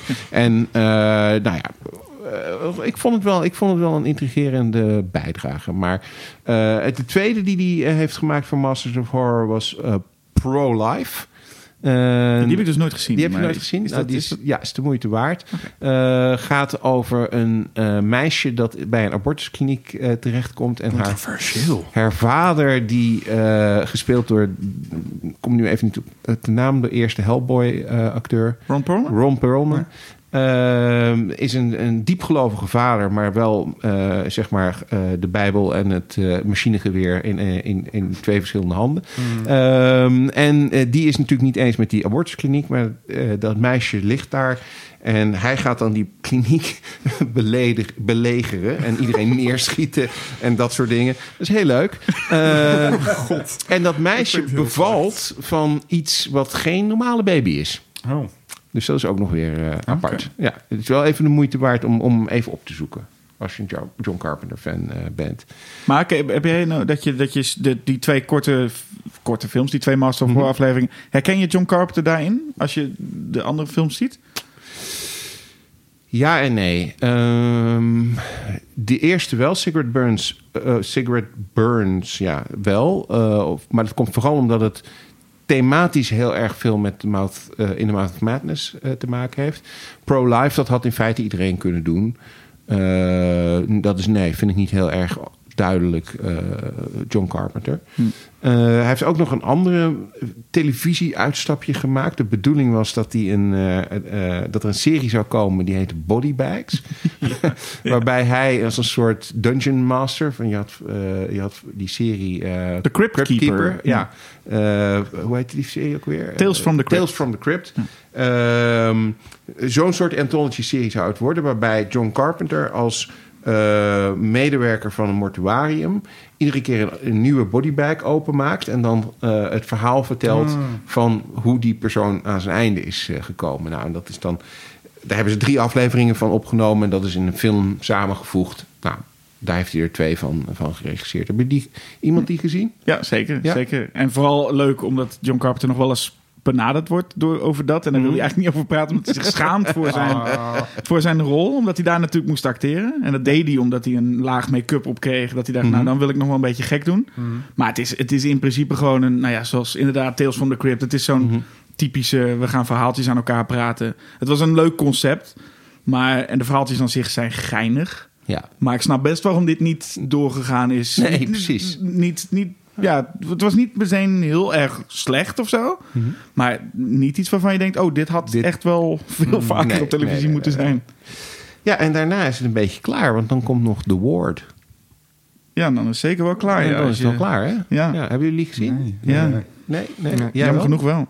Ja. Ja. dat is echt, dat is altijd jammer. Daar hebben we het wel vaker heb ik het over met mensen dat de laatste film van een regisseur. Mhm. Het is altijd jammer dat dat niet gewoon de grote klapper of zo is. Ja. Wat ik hier gewoon bij John Carpenter gunde, dat er gewoon nog één film was met, met Tom Atkins, Adrian Barbeau, Kurt Russell. En hij maakt nog één grote laatste Big Trouble in Little China-achtige film. En The Ward is zo'n inwisselbare horrorfilm, dat je ook denkt, en die zit zo vol met die jumpscares. Mhm. en, dan, en dan denk je dus terug aan de man die Halloween maakte, de- waar geen jumpscares nodig waren, omdat het Mhm. eng was. Omdat er iets... dat vind ik juist zo goed aan al zijn horror... is dat het niet voor de cheap scare gaat. Nee. Maar gewoon, om, gewoon om, voor dat unsettling gevoel van... eh, Ja. Ja. nare dingen gaan gebeuren. Ja, en hier is gewoon een, een film waarbij hij dan nog even het soort van. Het leek een beetje alsof hij nu uit, eh, uit, pens- uit zijn pensioen ging, zo ongeveer, om Mhm. deze film nog te maken. Dan denk je, nou, dat zal wat worden, maar een, een, lullig, niks zeggend script. Mhm. En echt een film waarvan je denkt, dit is heel erg jammer. Dus ik hoop extra en eigenlijk stiekem dat hij nog iets gaat Dat maken. nog iets gaat doen. Ja. Zodat we niet allemaal steeds hoeven te hebben over dat al die. Eh, podcasts of wat dan ook over zijn carrière altijd maar eindigen bij The Ward. Want dat, Ja, dat ja. is zo'n downer om het daar te moeten eindigen. Nee, dat klopt. Ja, nee, de woord is, eh, is, is niets, niets om over naar huis te schrijven. Het is ook niet bizar slecht. Eh, dat, dat vond ik in ieder geval niet. Het is, het is, het is gewoon heel erg middle of the road. Eh, er zitten heel veel dingen in waarvan je denkt... oh, dit heb ik al eerder in een andere film gezien. Ook plotwendingen waarvan je denkt... ja, maar dit heb ik al eerder gezien en beter. Ja. En er zit niks John Carpenters aan. Het is niet, Dit had iedereen kunnen regisseren, bij wijze van spreken. En dat is, dat is wel jammer. Ehm, maar dan toch weer even misschien nog, eh, als we gaan afsluiten, terug naar eh, wat maakt zijn films nou... Hè, nu, nu we zijn hele carrière een beetje bezien en besproken hebben... wat maakt zijn films nou goed? Wat, eh, als, jij, als jij zou moeten vertellen aan willekeurig wie op Twitter... eh, in 140... te- Nee. Eh, eh, w- waarom mensen naar een John Carpenter film moeten gaan kijken. Wat zijn voor jou nou de dingen waarvan je zegt... ja, nee, dat, dat maakt zijn films gewoon goed. Dat is waarom je ernaar moet kijken. Ehm, hele spannende, interessante verhalen met uitstekend acteerwerk en geweldige effecten. Oké, dat is in 140 tekens. Ja. En jij, Jasper? Ik dacht, ik probeer het kort te doen. Maar het is lastig om iets te noemen wat dan over alle films, eh, Ja, ja. voor alle Ja. films geldt natuurlijk. Vooral voor deze maker is dat Ja. heel lastig Mhm. om te zeggen. Maar je, je, jij zei net bij The Ward, hè, noemde zij terecht van dit had iedereen kunnen maken. En dan hebben we het over alle andere films van John Carpenter. En die had niemand anders kunnen maken dan John Carpenter. Dus ik denk, juist als je bij The Ward zegt, dit heb ik allemaal wel eens eerder gezien. Ik zou bij alle andere films ongeveer zeggen van, hier krijg je iets te zien wat je nog nooit eerder hebt gezien. En op zijn minst ook nooit zo goed te zien krijgt. Dus ja, dat lijkt me genoeg reden om iets van John Carpenter aan te zetten, toch? Ja, toch? Ja, ik denk dat dat inderdaad voor mij ook het ding is van John Carpenter. Geen enkele film van hem, behalve dan misschien die laatste, Ja, ja. voelt formulaisch. Van, Mhm. Alsof het uit gewoon een studiosysteem is gecrankt, zoals nu de helft van alle films zijn. Dat het tot in de puntjes bedacht is hoe het goed de markt is. Nee, dit is gewoon een hele originele filmmaker die geen reet geeft om jouw mening. En gewoon lekker zijn eigen ding doet. En ik snap dat het niet voor iedereen is. Uh, ik probeerde zoveel mogelijk te kijken, maar ik woon samen met iemand die helemaal geen trek had in al deze films. Ze heeft er twee meegekeken, de schat. Oh. Maar vond er niks aan. Um, ja, en ik snap heel erg dat het niet voor iedereen is. Mhm. Maar ik vind het heel interessant en heel leuk om iemand te zien die dus echt super origineel uh, um, doet wat hij zelf wil maken. In a world. In a. World. World. In a world. Nou, aan het einde van de aflevering alweer bijna. Uh, waar gaan we de komende tijd naar kijken? Wat is, uh, wat is iets waar we zin in hebben? Ik begin uh, bij Tom deze keer. Uh, ja, in Studio K, de bioscoop die dichtst bij mij in de buurt is, uh, organiseren ze elke maand hebben ze een thema en dan mm -hmm. laten ze oudere films zien die niet meer normaal draaien. Uh, en deze maand is dat thema surrealisme. Oeh, um, okay. Dus ze doen onder andere.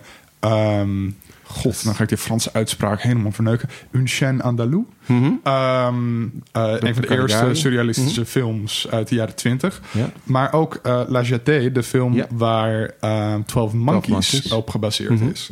Uh, en dat is heel erg vet. Dus ja. daar ga ik heen, want die wil ik eigenlijk wel heel graag op een groot scherm zien. eerder gezien? Ik heb hem ja. eerder gezien toen ik 12 Monkeys keek. Maar dat is ook echt iets van 6, 7 jaar geleden. Klopt, dus dat is als bijlage op de, op de special edition. Ja, uh, en toen heb ik dus ook gelijk La Jetée gekeken. Mm -hmm. um, dus dat is lang geleden. En ik wil dat eigenlijk gewoon wel dus op een grote scherm zien. En nu ik ook gewoon wat meer over film snap dan toen. Want toen zat ik mm -hmm. van, waar de fuck ben ik naar aan het kijken? Uh, ja, het is wel inderdaad, uh, denk ik, een film voor, voor, voor de ervaren kijker. Want het is ook niet echt een film. Het is, nee, het is een korte film. Het duurt een half uurtje. Ja, als het, het zijn al stilstaande beelden. Ja. ja. Dus, um, ja, dus ik ben heel benieuwd en dat is heel vet. Uh, en ze doen dus ook een paar andere films. Um, dat zien dus kijk vooral naar het programma, want het is heel leuk. Nice. Um, en uh, dat, dat komt nog niet snel uit, Mhm. maar wel de, de eerste trailer was afgelopen week uitgekomen. En dat is niet iets waar ik per se naar uitkijk, maar wat ik heel bijzonder vind dat het gaat bestaan. Mhm. Spiral. Eh, een nieuwe film geproduceerd door Chris Rock. Oh. Met Chris Rock en Samuel L. Jackson. Mhm. Ehm, het ziet er eerst aan het begin uit als een soort buddycop. Een beetje een actiecomedy misschien. Mhm. Maar dan komen er blijkbaar gruwelijke moorden in de trailer bij. En dan beginnen er overal spiraaltjes zie je als, als teken achtergelaten. Ja. En het is een Saw sequel. Yes. What the fuck? Ehm, dit is of zo slecht dat het goed is, of gewoon slecht, denk Ja. ik. Ik verwacht er niet veel van, maar ik ga hem wel kijken. Ja. Kijk jij daarnaar uit? Het vervolg op Saw of de reboot van Saw? Ja, maar meer onder, de, onder het mom dat je denkt... ik ben heel benieuwd wat Ja. het gaat worden. Maar nou niet omdat ik denk van... nou, ik, vond, ik heb zo genoten van deel 6 en 7... dat ik, wil nu graag. Nee, Nee. Dat, dat, dat nou ook weer niet. Maar als ik inderdaad dit hoor, hè, Chris Rock... Dan, Mhm. dan als je dat hoort, denk je... oké, dit kan of geniaal worden of ongelooflijk slecht. En beide is leuk om wel te zien, denk ik. Ja. Oké. Ik vond de trailer in ieder geval eh, best wel slecht. Het leek een soort SNL-parodie of zo. Hoe serieuze agenten eh, een moord proberen op te lossen. Het voelde heel raar. Ik- Ja. ja, ik maak me een beetje zorgen eigenlijk. Oké. Maar waar kijk je wel naar uit? Ehm, waar kijk ik wel naar uit? Ehm, The Gentleman. Mhm. Nieuwe Guy Ritchie eh, film. Eindelijk eh, gaat hij weer terug naar de, de misdaad. Mhm. Ehm, Godzijdank. ja. Nou, ik En- vond zijn laatste films ook wel echt misdadig. Wel. ja, dat absoluut. Ehm, dus ja, ik heb daar eh, heel veel zin in. Eh, weer een heerlijke cast. Eh, ik hoop nou, gewoon alle handelsmerken van zijn films. Mhm. Supersnelle dialogen, veel actie. Ik ben heel benieuwd. Ik heb gisteren nog The Man of Uncle weer herkeken. Fantastische film. Hmm. Met eh, Army Hammer, toch? Ja. ja. ja. Ja, ik zag hem toen die uitkwam en het pakte me niet helemaal. Oh. Maar ik, er zaten wel wat interessante het is ook wel echt dingen dat. Arnie Hammer en Henry Cavill gewoon op, Die puur op hun ja. charisma Ja. die hele film tillen. Uh, maar dat werkt wel. Ik vond hem echt heel leuk. Oké. En ik kijk ook uit naar eh Le Miserable. De, Mhm. Niet de musical. eh, de Franse inzending van de Oscars. Mhm. Over eh, spanningen in Franse eh buiten- Ehm, gebaseerd op een korte film. Die heb ik gezien. Die was aardig. Daar zaten wat interessante elementen in. Dus die opbouwende spanning. eh, politie die hun eh, macht misbruikt. Eh, en dat schijnt in deze film... nou, met die langere speeltijd veel beter uitgewerkt te zijn. Dus eh ben ik ook heel benieuwd naar. Nice. Oké. Ja, wij hebben, wij hebben voor de, de, de Schokken Nieuws podcast ook altijd zo'n rondje waarbij je dan moet uitkijken naar iets. En ik heb, dat vind ik altijd het moeilijkste ding. Om, ten eerste heb ik voor heel 2020 al een beetje gekeken wat er uitkwam. En er zat niet heel veel tussen waar ik nou super blij van werd. Maar ik heb ook mezelf nu voorgenomen, dit jaar nog strenger, om geen trailers meer te kijken ooit. Dus ik Oh. zit nu zelfs in de bioscoop gewoon letterlijk met mijn oren en ogen dicht. Want ik, ik heb gewoon gemerkt dat dat alles ver- zoveel Verpest. Dus ik ga dat nu echt proberen. Dus ik weet ook heel weinig van Mhm. de films die eraan komen, dat ik gewoon nu gewoon in de bioscoop wil zitten en dan voor het eerst ook maar ergens van Mhm. horen. En het enige wat ik nu weet van een film die ik toch de voordeel van de twijfel wil gaan geven, is eh The Invisible Man. Die op 5 Oh, ja. maart, eh, Mhm. 5 maart verschijnt. En dat wil ik vooral de voordeel van de twijfel geven, omdat het nu geregisseerd wordt door Lee Warnell. En die heeft dan wel ook Insidious 3 als regiedebuut. en dat is niet, niet fantastisch. Maar hij heeft ook Upgrade gemaakt. En dat vond ik een van de tofste films van de laatste jaren. En een, een, de beste Venom film die je maar kan krijgen. Wat Oké. Venom niet was zelf. Dus ik wil zeggen, op, gebaseerd op Upgrade denk ik... ik hoop wel op iets heel tofs bij The Invisible Man. Maar eigenlijk heb ik geen idee wat die film gaat... Oké. waar, waar het er überhaupt over gaat. Maar ik gok een onzichtbare man. Dat denk ik. En zolang Ja. het niet Chevy Chase is, dan, Dan is het goed. dan komt het goed, denk ik. Ja. Oké. Eh, nou, ik kijk uit naar eh, onder andere eh, The Plot Against America. Eh, komt vanaf 16 maart op HBO. eh, gebaseerd op het boek eh, dat er al was.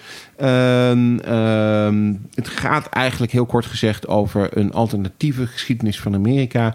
Waarin de macht wordt gegrepen door de, de nazi's. Charles Lindbergh stond erom bekend dat hij enige sympathie had voor het nationaal socialisme. En deze film neemt als uitgangspunt dat die Charles Lindbergh presidentskandidaat wordt. En dat nou ja, het voor eh, mensen die het niet zo eens zijn met de nazi's in Amerika niet zo, eh, niet zo goed afloopt. Eh, en het, het heeft helemaal niets met onze huidige tijd en politieke klimaat te maken. Het is echt helemaal fictie. Ja.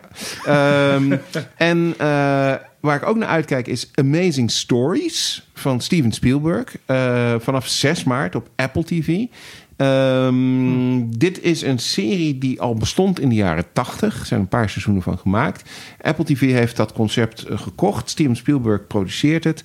En het idee is gewoon anthology. Iedere aflevering krijg je een nieuwe Amazing Story eh, te zien. Het kan van alles zijn, als het maar amazing is. Eh, en ehm, dat wordt gewoon, denk ik, wel leuk. Ik bedoel, sti- niet alles wat Steven Spielberg doet is altijd even fantastisch. Maar hij heeft wel een heleboel fantastische dingen gedaan. En dit, eh, dit lijkt me gewoon leuk om dat, eh, om dat te gaan kijken. Was hij nou is- producent alleen of regie? Nee, hij is producent. Misschien dat hij ook nog iets gaat regisseren op enig moment. Maar eh, hij is in ieder geval de producent, exe- executive producer van, van deze serie. Eh, muziek van John Williams, overigens. Ja. Dus dat is ook wel leuk. En nou ja, nog één ander ding waar ik naar uitkijk is Hunters op Amazon Prime vanaf 21 februari met Al Pacino in de hoofdrol. En dat is een serie. En dat gaat Ja. eigenlijk over nazi-jagers. Eh, en eh, naast Al Pacino ook Logan Lerman, die iedereen kent van eh, Percy Jackson films. Iedereen zit me nu aan te kijken Ja, van nee, nee, nee, nee. hij heeft ook gespeeld in de Perks of Being a Wallflower. Daar kennen mensen misschien Oh, wel ja. van. Ja. Ik zit wel te denken, is het de oude of de jonge El Pacino? ja, dat weten we, dat, dat, Dat weten we nu niet, hè? Weten we Nee. daar er toch twee van. Nou, dit was het dan wel eh, weer voor, eh, voor onze Kiki Dingen aflevering nummer 48. Eh, heel veel dank aan Jasper en bijzonder veel dank aan Sonny... die hier speciaal op het laatste moment aangevlogen is gekomen... en zelfs nog films heeft gekeken de afgelopen week... om hier iets zinnigs over te kunnen vertellen. Wat hij ook heeft gedaan. Ehm, jullie ook bedankt, luisteraars... Eh, en als jullie het nou leuk vonden, nou, laat het dan weten door een recensie te schrijven, door eh, het je vrienden te vertellen, door eh, je ouders te zeggen van dat ze een keer moeten luisteren. Like, subscribe, review, doe al die dingen.